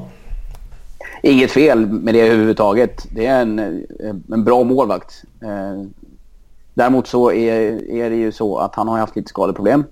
Och det är en stor målvakt, en ganska tung målvakt. Eh, och med tanke på hur mycket det belastar att spela modern ishockey som, som, som slips i NHL och eh, överhuvudtaget professionell hockey så är det lite bekymrande eh, på så sätt. Däremot så kvalitetsmässigt så har jag inga som helst frågetecken med att de har signat honom.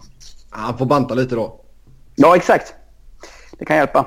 Kör lite yoga och sådär också. Mm. Eh, så vad sa vi nu? Några andra trender som du har sett? Mm. Mitten av 20-talet någon gång kom det en boom av större målvakter. Det började med att Roas satte sig i sin butterfly, sen var det kört typ. Det var ju hej då till Darren Pang och, och Van Beesbrook och sådana härliga korta grabbar med mycket reflexer. Utan det var... Eh, det växte rejält. Jag tror från, från slutet av 90-talet, början av 00-talet, fram tio år senare så hade målvakter i snitt blivit 5 cm längre i NHL. Eh, och det, är- det är ju rätt stor skillnad på snitt. Då kan man tänka att det är många stora som långa målvakter som drar ut det där också lite grann. Eh, men men det, som, det är fortfarande stora målvakter i NHL. Det är ju ingen att snacka om. Jag vet inte om det har gått ner någonting rent storleksmässigt så. Däremot så har det ju eh, många som har gått ner i vikt och sen så har det blivit rörliga målvakter överlag. Eh, men det, det har blivit mer varierad storlek kanske. Du ser Jussi Saros har kommit in 1,78 var han är. Eh, det är rörligare, lättare, mindre målvakter. Eh, så det är rätt roligt att se tycker jag. Så det här med att sätta en sumobrottare i kassen det, det är inte Nej. aktuellt längre. Nej, det, är, eh, det har nog aldrig varit aktuellt. Det bli intressant när kombinatet blir mindre också. Om, det- om det nu kommer igenom här nästa säsong. Bröstplattan alltså. Eh, byxorna har blivit lite mindre då såklart, men jag tror inte att det har påverkat så mycket. Nej. Även om man kan tycka att det blivit mycket mål i, i, i november. Eh, oktober, förlåt. Ja, de gjorde ju... Fan, jag har glömt av eh, vilken kanal det gick på. Det var väl kanske ESPN eller någonting. Men de gjorde någon sån här sport science-grej och då ställde de ju en sumobrottare i mål. Ja, jätterolig. Ja. Men det gjorde ju ingen skillnad överhuvudtaget. Han var ju helt, helt värdelös. Ja. Så så är det med det. Sen har vi stulit en diskussion från Twitter då. Vem är den bästa målvakten som aldrig vunnit Stanley Cup? Och vem är den sämsta som har vunnit Stanley Cup? Det här var roligt tyckte jag. Vi kommer väl fram dock till... Jag, jag och Bodin diskuterade lite, eller han frågade rättare sagt vad, vad vi tänkte. Och då kommer vi fram till att någon form av modern tid typ. Ja, vad drar vi strecket? Alltså vad vi själva har sett. Vad är modern tid nu för tiden? Ja, vad vi själva har sett. Mm. Okej, okay, så från 94 och framåt? Ja, det var ungefär där jag tänkte. Ja. Okej. Okay. Fan vad alltså, bra. Vem som... Ja, du vet. 20, 30, 40-talet i den här frågan är ju ja, det är svårt. Nej, exakt när jag kom in i målvakt under andra världskriget som, som var klappkass egentligen. Den är lite, den, den är lite jobbig. Ja. Okej, okay, så från 94 och framåt då när Rangers vann? Mm. Ska vi börja med sämsta eller? Ja, det, ja, det är roligast. Jag tycker att det är en slam dunk faktiskt med eh, Antiniemi. Eh, och det, det, man pratar om att han var så... Och då, det kom en liten boom av att man skulle ha målvakter som var billiga då. Lite, mm. lite, eh, men herregud, han spelade i final mot Michael Layton alltså. Oh. Påminn mig inte om det. 91,0 procent hade han i slutspelet. Det är ju inte jätteimponerande. Men det var ju bättre. Det andra alternativet var ju Cristobal Balue som hade börjat kasta in puckar eh, i Chicago. Eh, så, ja, jag, jag tycker Antoniemi utan tvekan. Sen så har du ju Cam Ward som var helt fantastisk ju, eh, tyckte man när han kom upp som, som, just för att han kom upp som rookie som Matt Murray liksom gjorde. Ja. Men tänkte man lite grann likt eh, Patrick Roy, Ken Dryden kom ju upp där som rookies och, och, och var fantastiska. Men sen slutade väl liknelserna där kanske. Eh, mm. Jag tyckte han målas upp som bättre bara för att han var rookie. Sen har han ju inte varit så bra eh, efter det heller. Det, det, vet man ju. Han har ju varit okej. Okay, men han har ju levt länge på det mm. eh, Så att, eh, det är de två. Sen har det ju, det smärtar lite att säga, men Chris Osgood var en klassisk money goaltender. Det vill säga han, han vann ju han vann ju Stanley Cup. Han, han gjorde det som krävdes. Han var fantastisk 2008 när Detroit vann förvisso i det slutspelet. Han låg runt 93 procent. Men 98 var han inte lika bra och, och som man ser över hela hans karriär så var han ju en okej okay målvakt bara. Så, eh, och man ska ändå säga de sämsta målvakter som har varit så skulle jag plocka fram de tre i alla fall. Mm. Jag tror man färg... Jag håller med om Niemi. Han, han, står väl ut sådär. Jag tror man färgas lite av att det är... Uh, ja, vilken kaos han har haft de senaste åren typ. Uh, men... men Alltså, han nej, nej, nej men någonstans när, när, när, nej, men när man ändå liksom bedömer honom på något sätt så tror jag att generella termer tror jag man kan färgas lite över vilken kaos det har varit kring honom och hur usel han är nu om inte annat. Eh, men i det här fallet så ja han står ju ut. Mm. Inget snack om saken. Har ni någon annan som, som ni känner att ni skulle vilja lyfta upp? Alltså jag funderar på vem fan hade Dallas i kassen? Belfort. Ja, Belfort hade de ja. Ah, okay. ja. Då ska jag inte säga något. Men det var ju såklart att han, han var... Nej, det var ingen snack. Sen hade de, mötte de ju Hasek och han var väl överlägsen där i den finalen egentligen då. Mm. Tycker jag. Men eh, med Belfort går inte att snacka bort riktigt tror jag. Right. Nej, och liksom vad du mer haft? Roy och Brodeur och Mike Richter mm. var ju bra när det begav sig liksom. Och... Sen har ju Mike Richter målats upp lite bättre än man faktiskt var. Jo, men så är det ju alltid i Rangers. Eh, ja, I synnerhet precis. när de går och vinner. Så att om man skulle se, man skulle kunna slänga in honom där om man är jäkligt taskig. Men däremot så, ja jag vet inte. Nej. Det, det, jag tycker de här tre sticker ut och framförallt kanske Niemi och Cam Ward. Sen så tittar jag igenom lite. Eh, det är svårt att hitta någon annan som har varit så dålig egentligen. Mm. Ja, det är väl Quick. Ja, men vet, vet fan alltså. Nej, vi har en stå, stående inslag här av att mobba Sebbe av att skicka husen. Jaha, ja, ja, ja, det är rätt. Ja. Yes. Ja, uh, nej vad kan det vara? Alltså Shiger var ju bra när Ducks vann också. Ja, och han var ju bra över kanske fem sex säsonger. Mm. Sen så är det klart att han, han vägrade lägga av känns det som ett tag. Eh, och han levde lite på gamla meriterna, gick till Toronto och sådär. Men, men, mm. nej, men överlag så var han ju en, en riktigt, riktigt bra målvakt. Mm. Mm, vad har vi mer för målvakter annars? Uh, Bruins, det var Tim Thomas. Ja, det honom ska vi inte peta i. Det är ju en, en hjälte. Ja, det, det, vet jag inte om jag kan hålla med om. Men det, nej då, han var väl helt okej okay också. Uh, ja, du, du, vet vem du är du pratar med väl? jo, jo, jo. jo, Uh, sen uh, bästa målvakterna då som inte har vunnit Stanley Cup. Också modern tid då. Mm, här är lite roligare tycker jag. Att snacka om de bästa. Det finns fler att välja mellan på något sätt. Ja. Eh, och det är svårt att liksom värdera dem på något sätt. Lunkan kommer ju tas upp. Det är ju ingen snack. Jo, jo, det är klart han får göra det. Eh, med tanke på hur länge han har varit bra. Och eh, han är ju den europeiska, mål, europeiska målvakt med flest vinster genom tiderna. Tia tror jag ungefär overall. Har ju också varit, av de jag har tänkt ut, varit den som har varit närmst också. Två konferensfinaler och, och en final. Så att för mig är det nästan så att han är etta faktiskt. Om man ser på också, inte bara hur bra han varit men också hur nära han har varit. Mm. Fast han, är, han är väl den här, eh, vad ska man säga, den här pågående erans bästa målvakt. Ja, om, man, om man slutar över tid liksom. Mm. Uh, och som du säger, han har varit nära några gånger. Uh, även om det inte var nära när han var i final. Men... Nej. Uh, Carey Price tänker man ju på såklart. Ja, fast han, men, han, men han, är han ändå, är några år yngre också. Han är några år yngre och han har egentligen inte varit så jävligt bra så jättemånga år. Nej. Nej, det har han faktiskt inte. Jag, det, det, jag hade Price som en av mina bubblor, men ganska långt ner fall på den Mm. listan. Mm. Men vad ska man sätta? Ska vi sätta någon form av gräns på antal matcher eller? Ja, men jag, har, jag kan väl rabbla upp de mål jag har tagit här i alla fall. Så, så Ja, det, där behöver jag inte bekymra mig om antal matcher i alla fall. Eh, John Van Beesbrook. Eh, han, han vart lite snuvad över en Stanley Cup eftersom att de valde... Eh, de, Rangers valde ju att satsa på Richter och året efter han gick i eh, expansion draft till, till Florida så vann, ju, vann ju de Stanley Cup. Sen så var han, han var i finalen där i 95-96 va? Och förlorade med 4-0 matcher. Han var helt fantastisk i sista matchen. Det var varit 1-0 och Ove Krupp avgjorde. Det klassiska Holmgren-citatet. Eh, Kölsig, ja han var ju riktigt bra. I, var lite samma där. Han hade en torsk mot Evs tror jag det var. 4-0 matcher även där så det var inte så nära men en riktigt bra målvakt. Eh, Luungo ska jag absolut tas upp tycker jag. Ja. Eh, han klev väl över nu tror jag till fjärde. Han gick väl om Cujo till fjärde bästa målvakt genom tiderna antal vinster tror jag. Eh, nyligen, eller om han ligger på samma. Och Cujo är ju nästa då. Eh, som också har varit lite fler klubbar men också var grym. Eh, bubblare.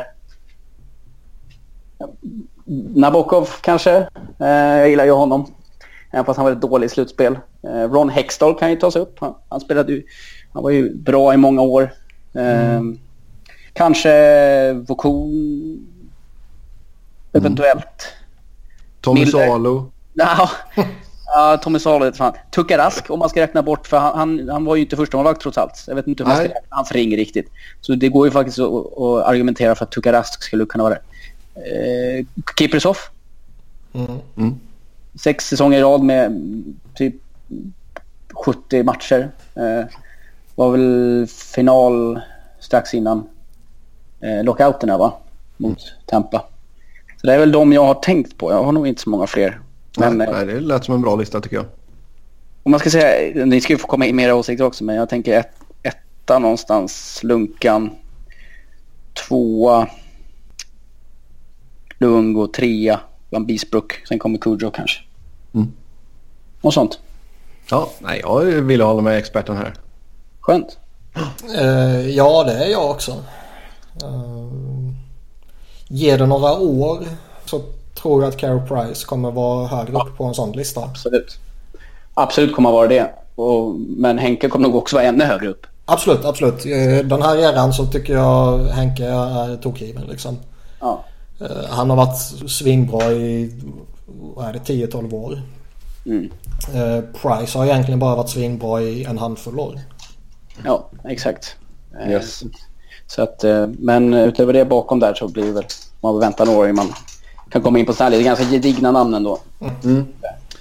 Sen vet jag, om vi går vidare här då, så Tobias har ju skrivit in på Twitter som han ofta gör. Eh, han vill ju höra lite mer om de här djupgående siffrorna för uh, målvakter. Alltså inte bara de här vanliga save percentage och sådär utan advanced stats för målvakter helt enkelt. Jaså? Vad, vad är det man ska hålla koll på där om man vill titta lite extra på målvakter? Det, det är ju de. Eh, jag tror inte att det är några överraskande siffror. Utan det är ju eh, eh spel 5 mot 5. Eh, boxplay, alltså, ja, spel i boxplay.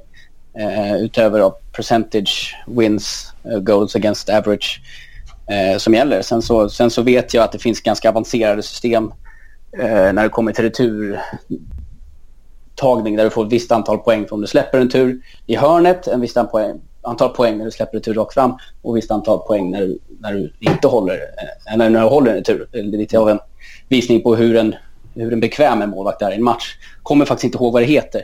Jag har suttit mycket med där när jag jobbar på AIK. Um, jobbat, ja, då, det, som, det som Tobbe tar upp här är ju D, save percentage, K över 82, Merced över 60, HD slash MD slash LD save percentage.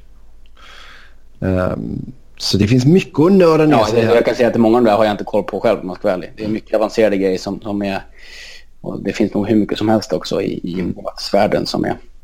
Så jag har inget jättebra svar på det om man ska vara ärlig. Jag, jag är en traditionalist när det kommer till målvakt. Jag kollar mycket på räddningsprocent och, och eh, eh eventuella eh, wins. Men eh, det finns mycket att mäta målvakter hur bra de är. Det är ju inget snack om det. Nej, sen är ju Tobbe en av de största supernördarna någonsin också. Ja, det är så. Ja, bra. Sånt gillar jag. Jag ska bara ta upp innan vi eh, går på, på, för det är säkert lite frågor på gång sådär, men, men jag glömde nämna också om åk som har startat dåligt så skulle jag säga att det eh, innan november månad tror jag att Eddie Leck kommer att ha gjort sin sista NHL-match.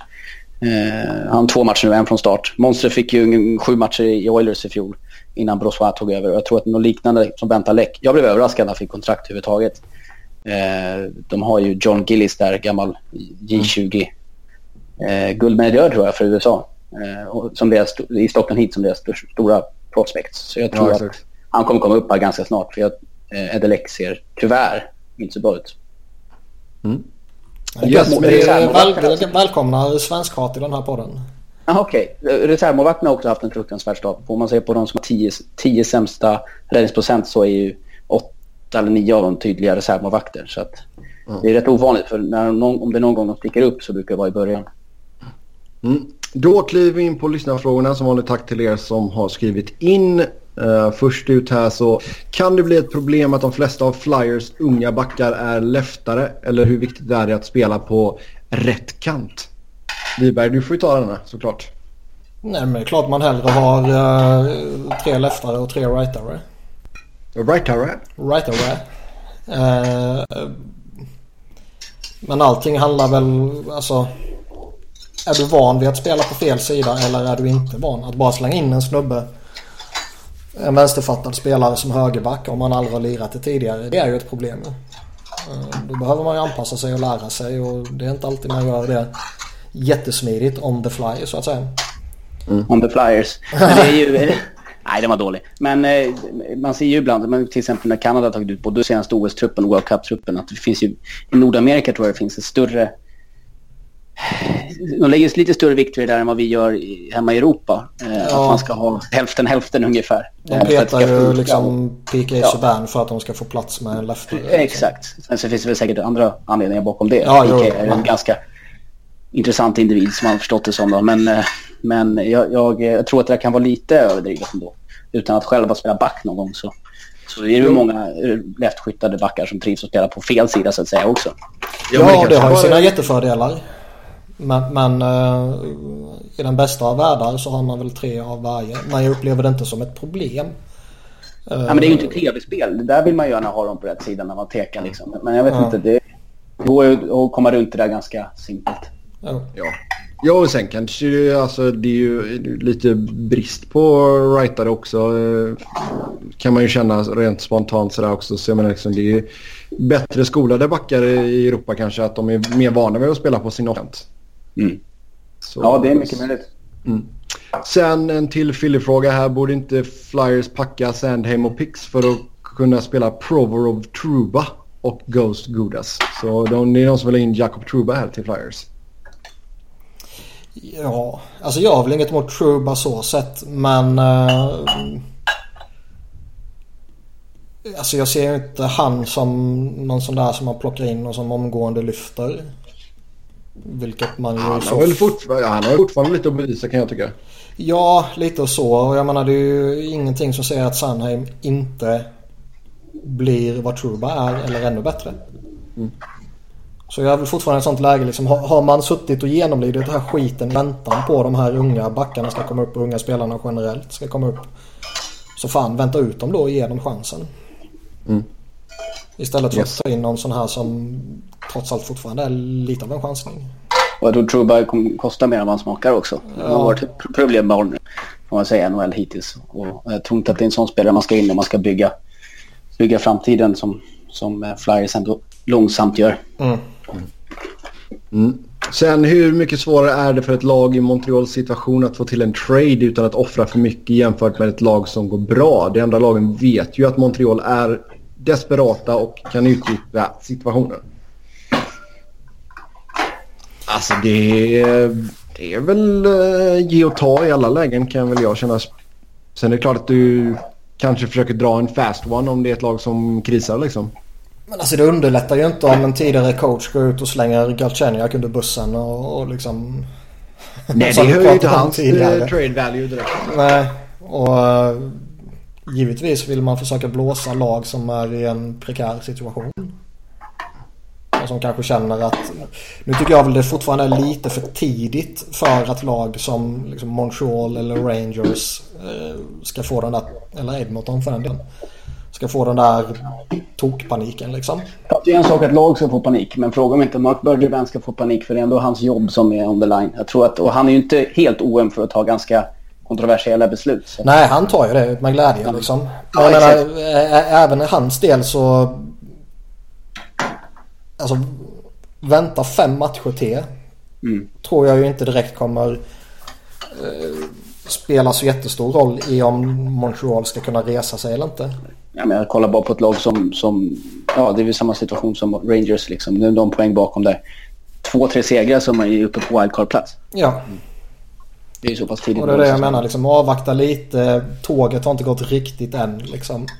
Men visst, fortsätter man spela som man har spelat och resultaten uteblir då bör ju paniken komma om man vill behålla sitt jobb. Mm. Nu diskar någon också. Ja, det är, är jag det. Jag ska göra det långt. Tyst. Tyst Sen nästa fråga här. Är Mike Sullivan på riktigt? Är han en elitcoach? Eller hade typ vem som helst lyckats med det han har gjort? Diskutera. Uppenbarligen inte med tanke på att de innan inte hade gjort det. Mm. Alltså det är ju lite som att... Du vet, vilken idiot som helst kan vara coach i Barcelona eller Real Madrid när de var som bäst. Lite samma sak med Pittsburgh att vilken idiot som helst kan vara coach där. Men som du säger, bevisligen inte. Nej. Jag tror det är en betydligt större utmaning än vad man kanske tror. Att gå in och coacha sådana extremt stjärntäta lag oavsett om vi pratar Pittsburgh här då eller Real Madrid. Eller Real Madrid. Och, och, inte, ja. inte bara på sättet du ska hitta och spela hockey utan också på att hantera alla de här stjärnorna. Ja. Det är ju, inga, det är ju kanske inga superdivor man har i laget om man bortser från Kessler kanske. men, eh, men det är ju ändå, ja, du ska ju, du ska ju ha en firm hand utan att för den delen vara en tyrann alla Keenan. Liksom. Ja, exakt. Nej, och man, måste, man måste släppa loss dem och, och liksom låta dem göra det de är så jädra bra på. Samtidigt som det måste finnas struktur givetvis. Och mm. eh, jag tror Mike Sullivan, alltså han är väl ingen gud på det sättet givetvis. Men jag tror ändå, alltså som, som Bodin var inne på, vem som helst kan inte göra det för då skulle de ju vunnit betydligt tidigare. Ja. Eh, jag tror att han nog kan vara rätt duktig. Och, jo men alltså det är, det är väl mer att du är bra på att hantera spelarna. Liksom som, som vi sa där, alltså hantera de här stjärnorna och sen ha en struktur på isen Eh, det är ju inte så att du ja, behöver vara något taktiskt för... geni direkt. Ja, men alltså titta vilken backbesättning de vann med. Mm. Alltså det, det, krävs ju någon form av kompetens för att få ihop det då. För det var ju inte bara Crosby och Malkin som drog det där laget. Nej, Utan, Jake Günsel också. ja, Exakt. Jo, men... Matt Murray. ja. Murray. Jo, absolut. Men, men jag menar det var ändå en backbesättning som var klart mycket lägre i eh, någon form av rankning om man ska säga så. Än vad målvaktssituationen och forwardsbesättningen är. Ja så är det Och eh, att kunna slänga ut en där du har en back som är riktigt bra och han är borta, eller Tang då. Och ändå gå och vinna. Och vinna på, alltså ta sig till final och, och vinna på ett bra sätt liksom två år i rad vilket är en extrem prestation. Det krävs ju mer än att bara vara en bra snubbe. Jo, jo. och Alltså, hantera du får egon. Utan då måste man ju ha någon form av kompetens också. Ja, och nu gäller det ju liksom bara att liksom för, försöka få tillbaka den här hungern och motivera spelarna och gå för en tredje raka. Liksom. Det, det hade varit riktigt, riktigt stort faktiskt. Det, där- det där är Näst- lite intressant diskussion i och för sig. Alltså, Ja, de, är pro, de, de är professionella idrottsmän. Det är väl inte en tränares ansvar att se till att de är hungriga och på hugget. Fast spelar du 82 matcher i grundserie och sen så har du din tredje raka bortamatch. Det är klart att det, det blir en del vardag i det där också. Även fast det är svårt Jo. för oss dödliga att förstå det såklart. Jo, det är alltså givetvis slentrianmässiga och, och så här va. Men jag tycker fortfarande att det är en... Det är liksom inte coachens ansvar att spelare är redo. Jo, det är väl ganska Jo, exakt. det Ja, är det. Nej, jag Han tycker är- inte han det. ska Jag, vara jag tycker... Alltså re, redo taktiskt och hela det här köret 100% Fast det, är- givetvis. det kanske inte är en coach som säger att de är redo mentalt. Men det är ju tränar, tränarstabens eh, uppgift absolut att se till att de är redo mentalt. Och att de har förutsättningarna för det är ju hela managements... Att de har förutsättningar för det, absolut. Ja, men det är ju en del, det av, del av den mentala laddningen. att Man har Ja. förutsättningarna för att spela Det, match. det, det håller jag med dig helt och hållet. Men det här, alltså att man... Att liksom tränarens ansvar att han ska pumpa igång dem, att han ska få dem på det sättet som det pratas om ibland. Det, det tycker jag ju är trams. Det är professionella Nej, idrottsmän som tjänar bra med pengar. De ska kunna vara så professionella att att de, med tanke på vilka utomordentliga förutsättningar de har, ska kunna vara helt förberedda för match.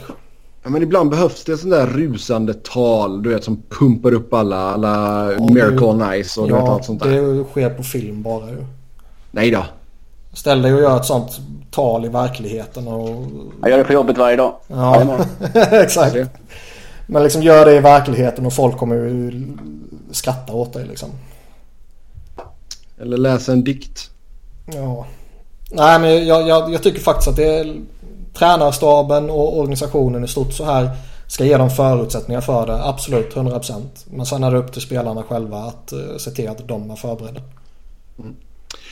Sen kommer Masseså göra succé i Vegas.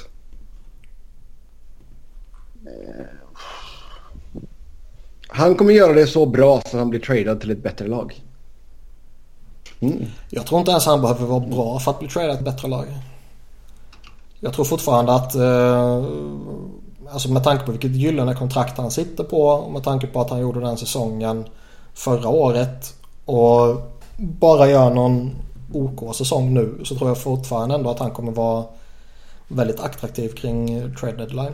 Det här då? Florida Panthers ligger på gränsen mot en wildcard-plats. Tror att de tradar för honom. Det hade varit oerhört mycket humor i det. Ja. Eh, man vet ju aldrig vad Florida ska göra numera.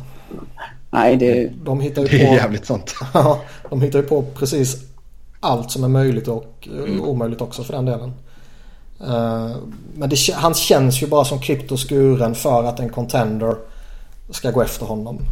Eh, Alltså han, han kommer snorbilligt. Han kanske var en one hit wonder förra året. Förmodligen känns det väl som det. Men ändå. Eh, Han har gjort det en gång. Ja, då kanske han kan göra det en gång till. Och som sagt, jättebillig. Går in och gör ett bra slutspel och sen får han ett välbetalt kontrakt någon annanstans och så klagar vi på hur- vilket dåligt kontrakt det är. Ja, absolut. Mm. Så att fun- det var lite hindsight sådär och alltid titta på tillbaka saker, saker ni gjorde redan. Ja, exakt. Eh, näst ut här då. Är det befogat nu att Stamkos är en komplett center istället för en elitmålskytt? Eller gör Kutjerov honom bättre bara? Jag väntar lite grann med, med den tycker jag. Det, det här är så återigen Rocktober lite grann. Det kan hända vad som helst här. Tror att man måste... Rocktober, det jag.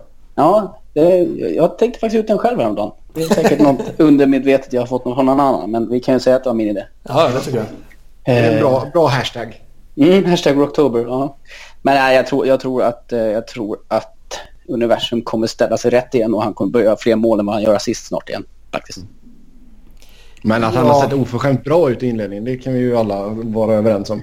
Ja, 100 Alltså, procent. den kedjan är ju ru- ruggigt, ruggigt bra. Mm.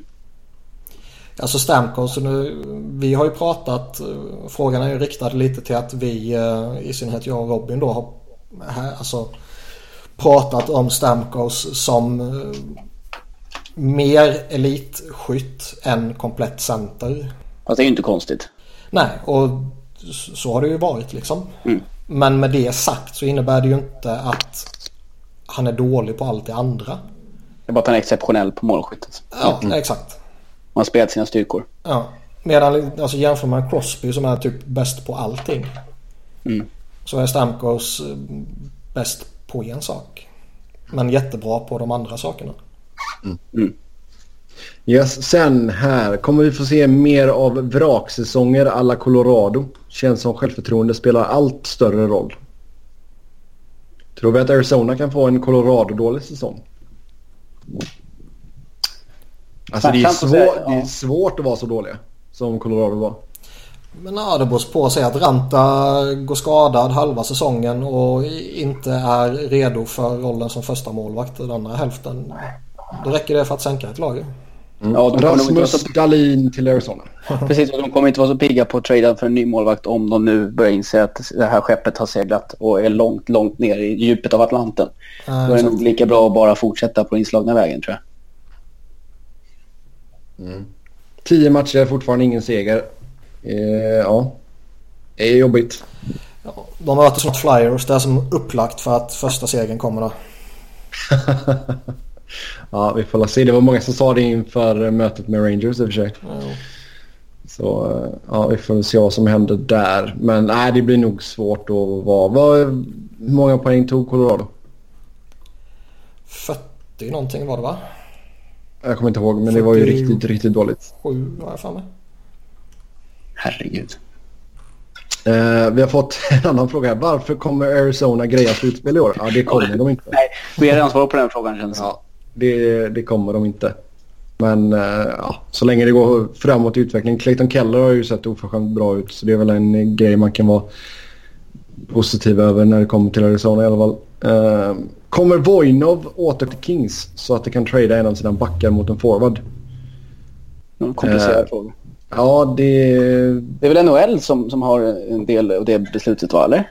Det är väl Det är både immigrations immigration och... och- eh, Just det, så är det. Efter det så har väl... Först ska väl de säga om han är välkommen in i landet överhuvudtaget. Ja. Sen tror jag fortfarande som du är inne på att NHL måste väl cleara det också tror jag. Men där ska man ju bara säga tyvärr nej. Ja, ja, herregud. Absolut. Det... Nej. Det, även ifall det hade kunnat gynna laget som jag håller på så säger jag nej tack till den faktiskt. Mm. Eh, det har varit tillräckligt med shady business där med Ja, Mike Richards. Så, eh, mm. Bör Penguins gå efter Fair och Picard från Toronto eh, så man får in en andra målvakt och en tredje fjärde ce- center? Picard var vi inne på förut där lite grann. Det, väl återigen, det beror ju på lite grann hur... Tycker inte de ska ha någon panikbrådska utan kolla först vad... Eh, vad The Casey kan göra och, och vad eventuellt Tristan Jerry kan göra också. Så om det är så att de, de eh, levererar så behöver man inte ha någon panik utan Nej. vänta in. Det finns alternativ. Helt klart. Och sen, sen då med Sheehan in så jag vet inte, går man efter Fair också liksom? Nej, han känns ju inte som ett jätteroligt alternativ heller. Det är väl en sån där gubbe du kan, alltså i så fall, ta in framåt trade deadline bara för att du behöver en extra gubbe som kan fylla ut en fjärde kedja typ liksom. Mm. Men Nej. ta in honom för att han ska spela ordinarie i en tredje eller fjärde i dagsläget. Då finns det betydligt roligare alternativ. Yes, med det då så säger vi tack och hej för den här gången. Som vanligt så kan ni köta twi- Twitter med hockey. Jävlar, nu behöver jag lunch känner jag. Som vanligt så kan ni snacka hockey med oss på Twitter. Mig hittar ni på @sebnoren. Niklas hittar ni på Niklas Wiberg, Niklas med C och enkel V. Och Kristoffer hittar ni på LC Bodin. Jajamensan. Och eh, stort tack för att du ville vara med oss i programmet. Ja, tack så jättemycket. Det var fantastiskt trevligt. Tills nästa gång, ha det gött. Hej hej.